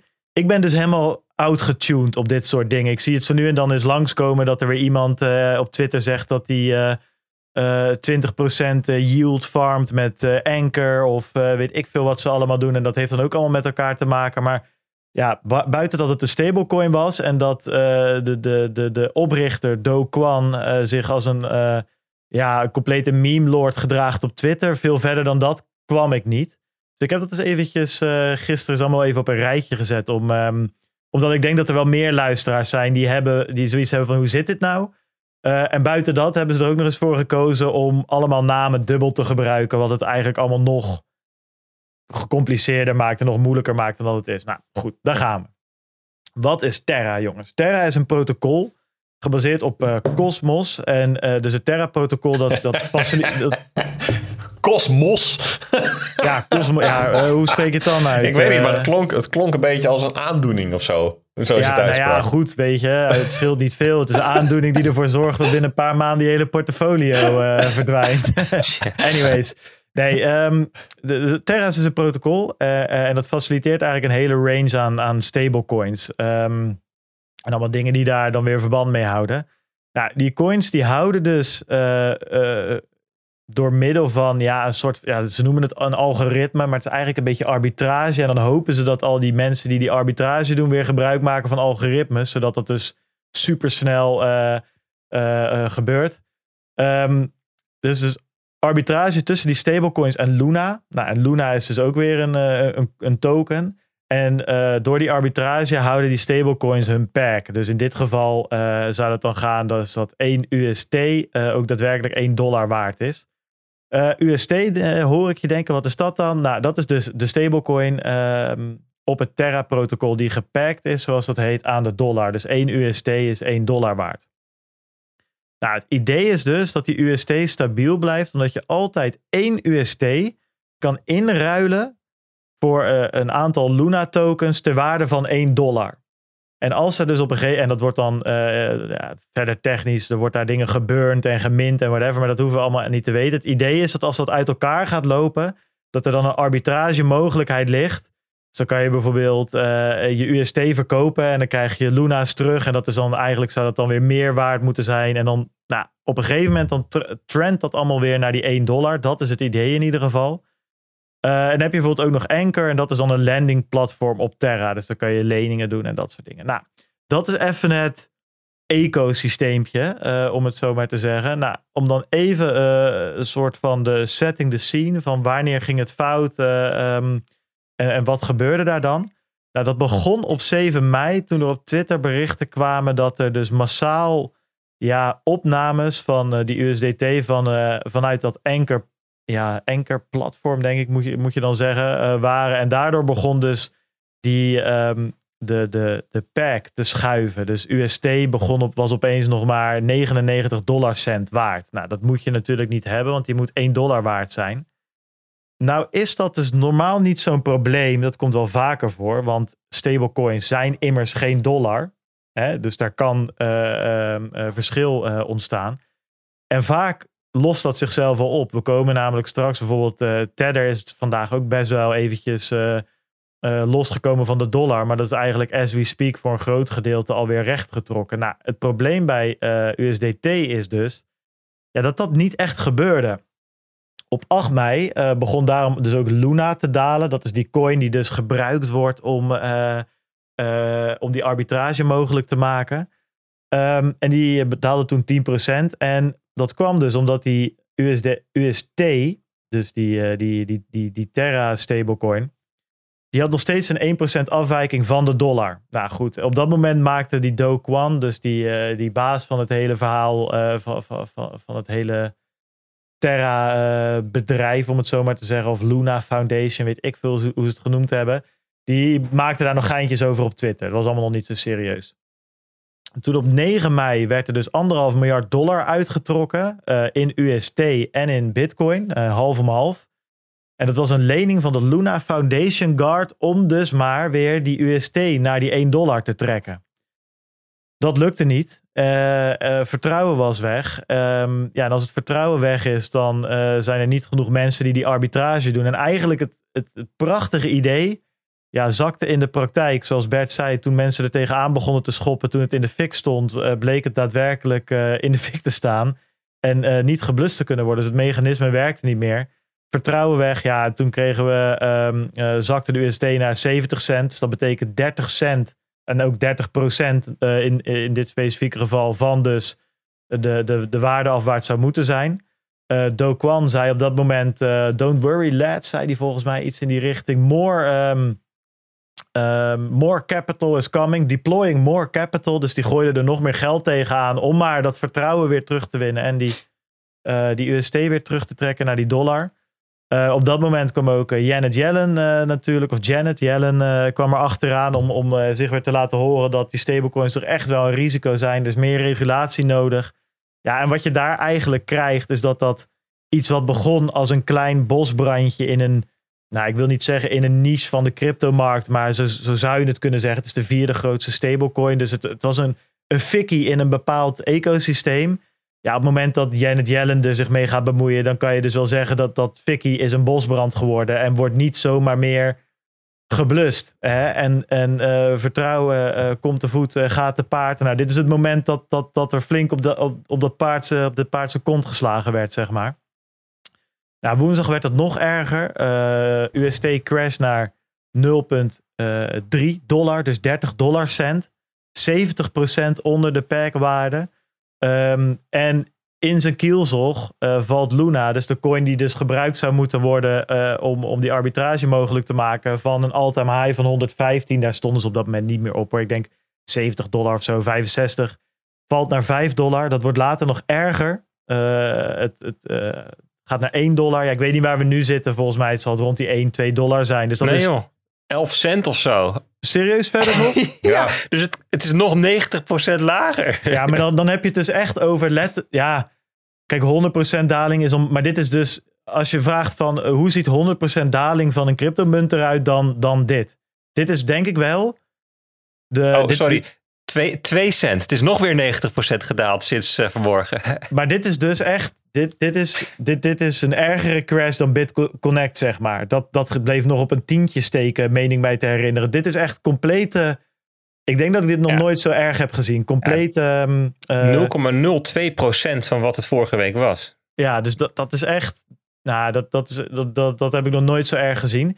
Um, inmiddels is ook uh, Do Kwan het lachen wel vergaan. Uh, die kwam met een draadje. Um, ja, waar, waar, ja, waar eigenlijk, als ik hem even heel plat samenvat, waar er soort van gezegd wordt. ja, we moeten door de zure appel heen bijten. En, en daarna moeten we maar kijken wat er nog van over is. Dat, dat is eigenlijk een beetje waar het bijna op neerkomt.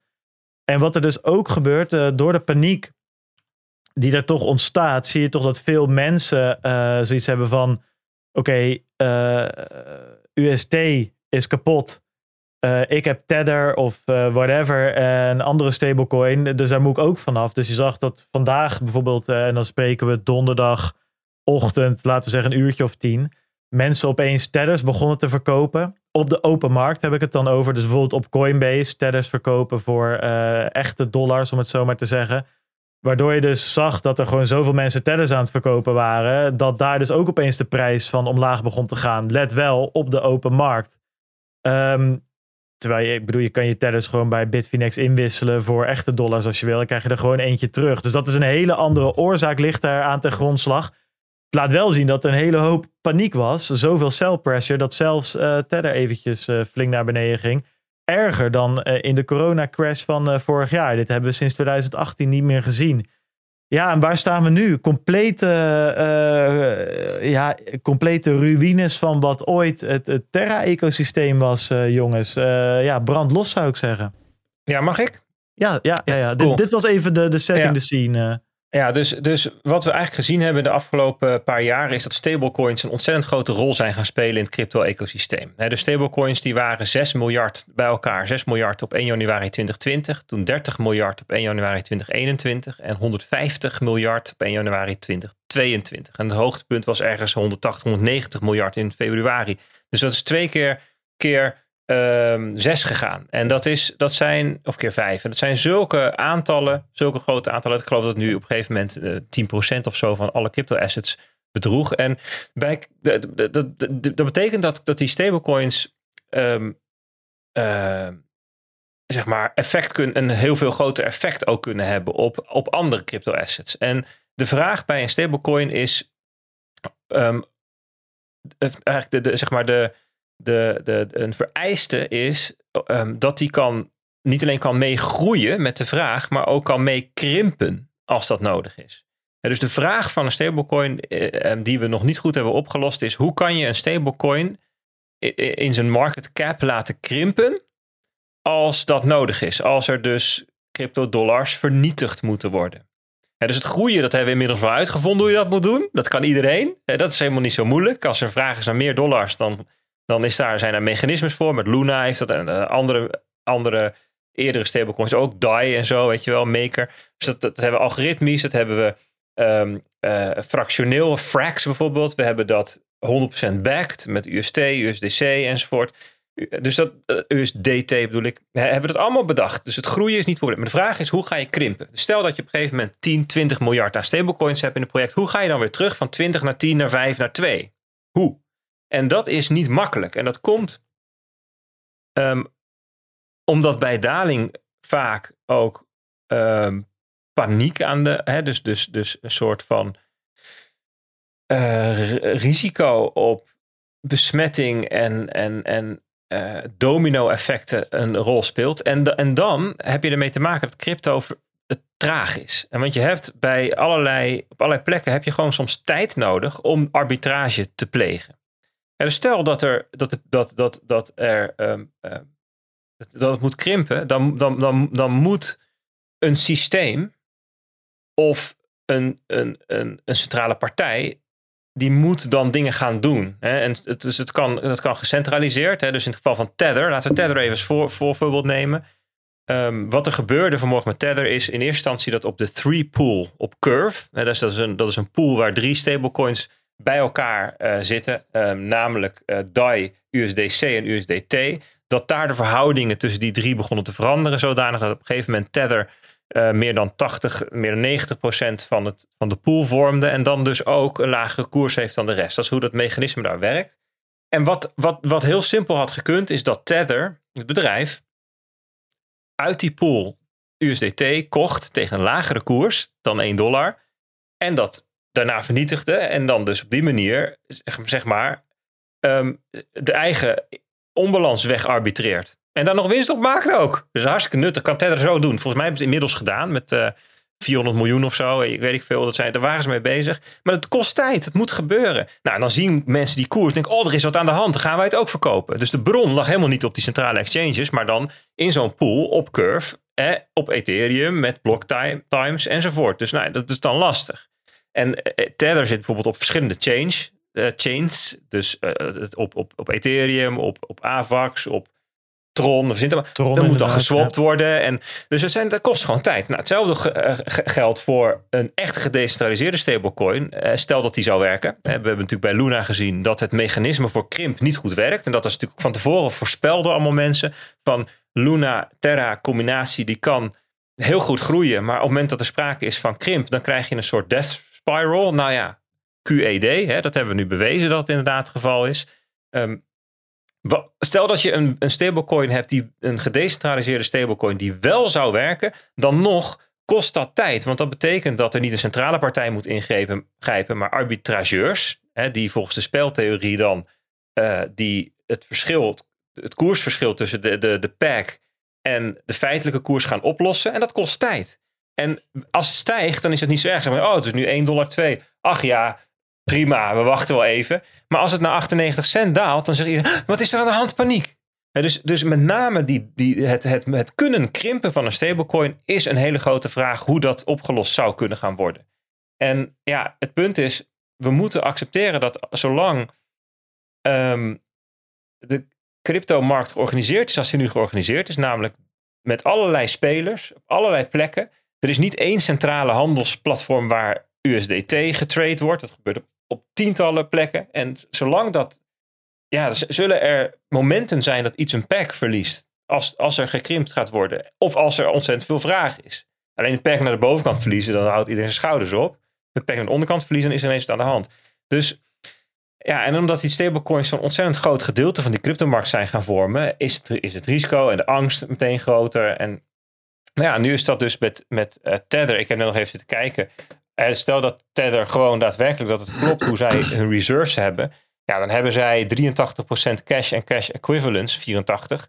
Waarvan uh, uh, 52% treasury bills. Nou, dat zijn dus de kortste, kortlopende Amerikaanse staatsobligaties. Die kun je echt zo omwisselen naar dollars. Dus no problem, 7% cash op de bank. Uh, eh, 5% money market funds. Ja, dat is allemaal best wel prima. Dus met andere woorden, hoeveel, hoeveel tether is er? 80 miljard of zo? Volgens mij, er kan dus zo 30 miljard uit nu. No problem. Als je nu 30 miljard aan tether eruit wil, dan kan, kan tether dat voor je regelen. Tether met een hoofdletter T. Dus met tether is er is het helemaal niet een probleem dat er nu een miljard uit is gegaan. Alleen het is gegaan op een manier die dan zorgt voor dat die pack verloren wordt. En dat mensen dan dus in paniek raken. Dus het is een heel lastig verhaal. En ja, wat we hebben nu geleerd, ja, dat de manier waarop Luna het gedaan heeft dus niet goed is. En wat we ook hebben geleerd, als je dat dus 18 miljard groot laat worden, dan is dat een groot probleem voor de hele cryptomarkt. Ja, nou denk ik ook wel dat er, hè, wat Peter ook aangaf, ik op die twee scenario's, zeg maar. Het was natuurlijk ook, um, ja, goed, eh, een kruidvat op zoek naar een lont, zeg maar. Er zit natuurlijk ook zoveel lucht in die markten. En dit is wel een flink lont, hoor. Dit is een kruidvat op zich, laat ik het zo zeggen. En daar kan je ook een ander kruidvat mee aansteken. Ik bedoel, ik zou het niet uh, um, aanraden. Ja, en weet je ook met Tether steeds meer een beetje hebt? Dat is een beetje die omgekeerde Dark Knight uh, quote. Je had toch die quote van in, die, in die Batman film van You either die a hero or you live long enough to become the villain dit is eigenlijk precies andersom bij, bij Tether. Van you either die a villain or, or live long enough to become a hero. Want inmiddels, uh, ja goed, als ze ook dit weer overleven. Ik bedoel, ja, kijk, geld en ook stablecoins, dat is dus ook, dat zien we nu ook weer, ook vertrouwen. En als ze hier dus ook weer snel hun pack vinden, om wat voor reden dan ook. Ja, dan, uh, dan ja, ze blijven de grootste. En, en dan zou het ja, toch weer een streepje zijn op de, op, het, uh, op een blazoen, zeg maar, van joh, nou ja, goed, ook deze crash hebben ze weer enigszins uh, um, overleefd. Plus, het lijkt er ook op dat ze elke keer steeds, ja, wat Bert zegt, ze hebben inmiddels in ieder geval weten we, of in ieder geval doen ze er uitspraken over wat het onderpand zou moeten zijn. Nou ja, dat was vier jaar geleden één grote black box natuurlijk. Dus nou, dat, ben, ben benieuwd hoe dat zich ook verder uh, uit gaat spelen. Uh, ze moeten ook wel, want ja, USDC die staat ook aan de poort te kloppen om gewoon het stokje over te nemen uh, anders. Ja, nou, dat was dus Terra en Luna. Um, ja, jongens. we zijn wel anderhalf uur verder. Dat gaat hard, hè? Je gaat hard zo, ja.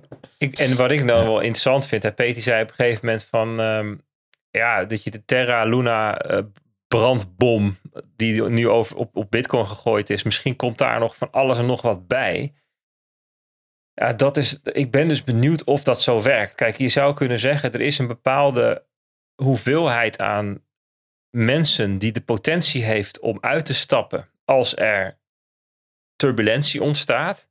En het maakt eigenlijk niet uit of die nou uitstappen doordat Luna ontploft of doordat China Bitcoin verband of doordat, nou ja, wat was de reden eigenlijk in 2018 november? Ik weet niet eens meer precies wat toen de aanleiding was, maar er is altijd een bepaalde aanleiding die zorgt voor de onrust en de paniek. En als die eenmaal geweest is, ja, de, de rest van de mensen die, ja, door, op een gegeven moment dan hou je alleen maar mensen over die zeggen, joh, ja, weet je, mij krijg je die gek. Ik ook Dus- bij. nou ja, wijze van spreken. Ja, Ja, Ja, dat ja, hoeft ja, dan- dat is natuurlijk... Mijn hypothese is wel dat de, het type marktparticipant dat uitstapt vanwege paniek rond zo'n DeFi-project, DeFi-ecosysteem, een andere participant is dan degene die zijn portfolio herbalanceert als er nieuwe informatie naar buiten komt over de rente die door de Fed wordt ingesteld, bijvoorbeeld. Dus, dus ja, mijn, mijn hypothese is nog wel dat dat we hiermee niet het laatste gezien hebben. Zeg maar als, als er in, ehm, maar in de bredere financiële markten paniek ontstaat, of, of ook weer ehm, gebeurtenissen die om liquiditeit roepen, ehm, dat dat bovenop deze gebeurtenis komt. Ja, en misschien is dat over een, over een dusdanig lange periode pas dat deze. Dat, hè, dus dat, dat het hele Luna-gebeuren zichzelf ook wel weer hersteld heeft. En dat het dus niet iets is wat stapelt.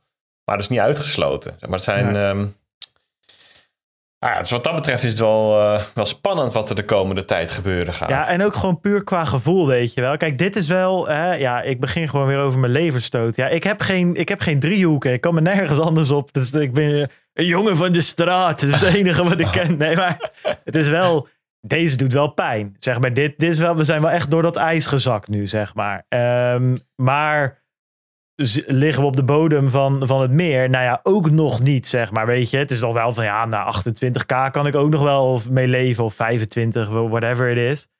Maar echt weer even onder die vorige all-time time high. Dat zou, dat zou voor mij wel echt wel zoiets zijn van, nou oké, dat is een beetje de richting waar het... eh, ehm, en, en ik ben het met Peet eens, zeg maar. Als er nu weer een of andere eh, gek macro-economisch nieuws komt. Ja, het zou zomaar... eh, eh, dat, dat, dat, dat kan echt nog wel ehm, wat extra impact hebben. Maar goed, ja, weet je, we, we gaan het zien. Ik weet in ieder geval dat dit wel echt even... Dit is wel echt een moment. Deze, als je, ja, als je, me- als je me een beetje gaat voelen, gewoon... ehm, ja, Ah, merkte, ik merkte dat wel. Dat ik ook weer denk van... ehm, ja, dat ik het heel fijn vind dat we met bijvoorbeeld... eh, we zijn bijvoorbeeld... eh, weer eens even wat leuks, hè. Te, te- straks ook af te sluiten op een leuke noot. We zijn bezig met de rebrand voor Satoshi Radio. En daar werk ik mee samen. Of Thomas, die helpt me daarmee. eh, van No Good, eh, heet die ook wel. NoGood.store, als je zijn eh, artwork wil bekijken. Ehm, ja, dat, dat is wel fijn om dat soort dingen ernaast te hebben, zeg maar. Weet je wel? Dat je nog een beetje eventjes zo nu en dan even een dagje helemaal verblind bezig kan zijn met logootjes uitwerken. En dat je, want als je je nu de hele dag in, ook in onze chat bevindt, ja, ik zou je het niet aanraden, want je wordt knettergek. Eh, je maakt elkaar helemaal gek met z'n allen. Hetzelfde geldt voor Twitter, dat is nog zo'n echo chamber. Hou het in de gaten, maar weet ook even wanneer je uit moet loggen. Ehm, en ik, bijvoorbeeld een goede tip. Koop eh The Tree Body Problem. Een fantastische trilogie. Ga lekker in het park zitten. Lekker boekje lezen. Weet je jongens, zorg ook een beetje voor jezelf. Hè? Eh, je kan het jezelf heel moeilijk maken door nu de hele dag maar in dezelfde... Weet je, sla het FD ook dicht. Eh, sla TradingView dicht. Sla eh, Twitter even dicht. Ja, precies Bert. Lees hem wel, maar sla hem daarna dicht. Het wordt heerlijk weer. Er gaat er wat mee doen. Ik zie wel dat het verdomme bewolkt begint te worden hier bij mij. Ik weet niet hoe bij jou is, Peet, maar... Eh, ja, ik zie hier ook wel wat wolkjes Shit, zweven. ja, ik las wel dat het rond vijf uur weer wat beter zou worden. Dus dan ga ik toch maar... ehm, ja, vanmiddag maar eventjes eh, aan de slag. Anyways, nou ja, goed. Ik denk dat we hem daar even ook een beetje bij moeten houden voor deze week. Want eh, dan zitten we lekker op één uur en drie kwartier. Dat is prima. Dat is de tijd die we ons, eh, onszelf geven. En dan doen we de, de nieuwtjes die we nog over hebben. Die kan je morgen in de alfa lezen. Misschien dat er wat doorschuift naar volgende week. Als het interessant genoeg is om te bespreken. Eh, en eh, misschien dat we het volgende week ook even over Lubach gaan hebben. En wat wij er nou van vinden. Hoe je moet omgaan met kritiek uit de media. Ja, goed. Dat eh, zien we volgende week allemaal weer. Jongens, dank. Ehm, ik hoop dat jullie het ook volhouden deze week. Zal nog even bellen. Even tussendoor van. eh, maar ik heb er goed vertrouwen in dat het, dat het gaat lukken. Eh, zien wij elkaar gewoon weer volgende week. Ehm, en natuurlijk, eh, luisteraars, eh, we zien jullie ook gewoon volgende week weer. Jullie horen ons weer. Wij voelen dat toch altijd. Ja, het is toch alsof ik jullie zie dwars door dit scherm heen, wat ik hier voor me heb. Thanks voor het luisteren. Hou je taai. Komt allemaal goed. Echt waar. En anders, ja, de werkloosheid. je, je komt aan de baan sowieso. Weet je wel. Dus in die end komt alles goed, weet je. Als crypto trader niet wordt, dan ligt er echt een andere leuke baan in het verschiet. Komt goed. En eh, we spreken jullie volgende week weer. Later. Tot volgende week. doei. doei.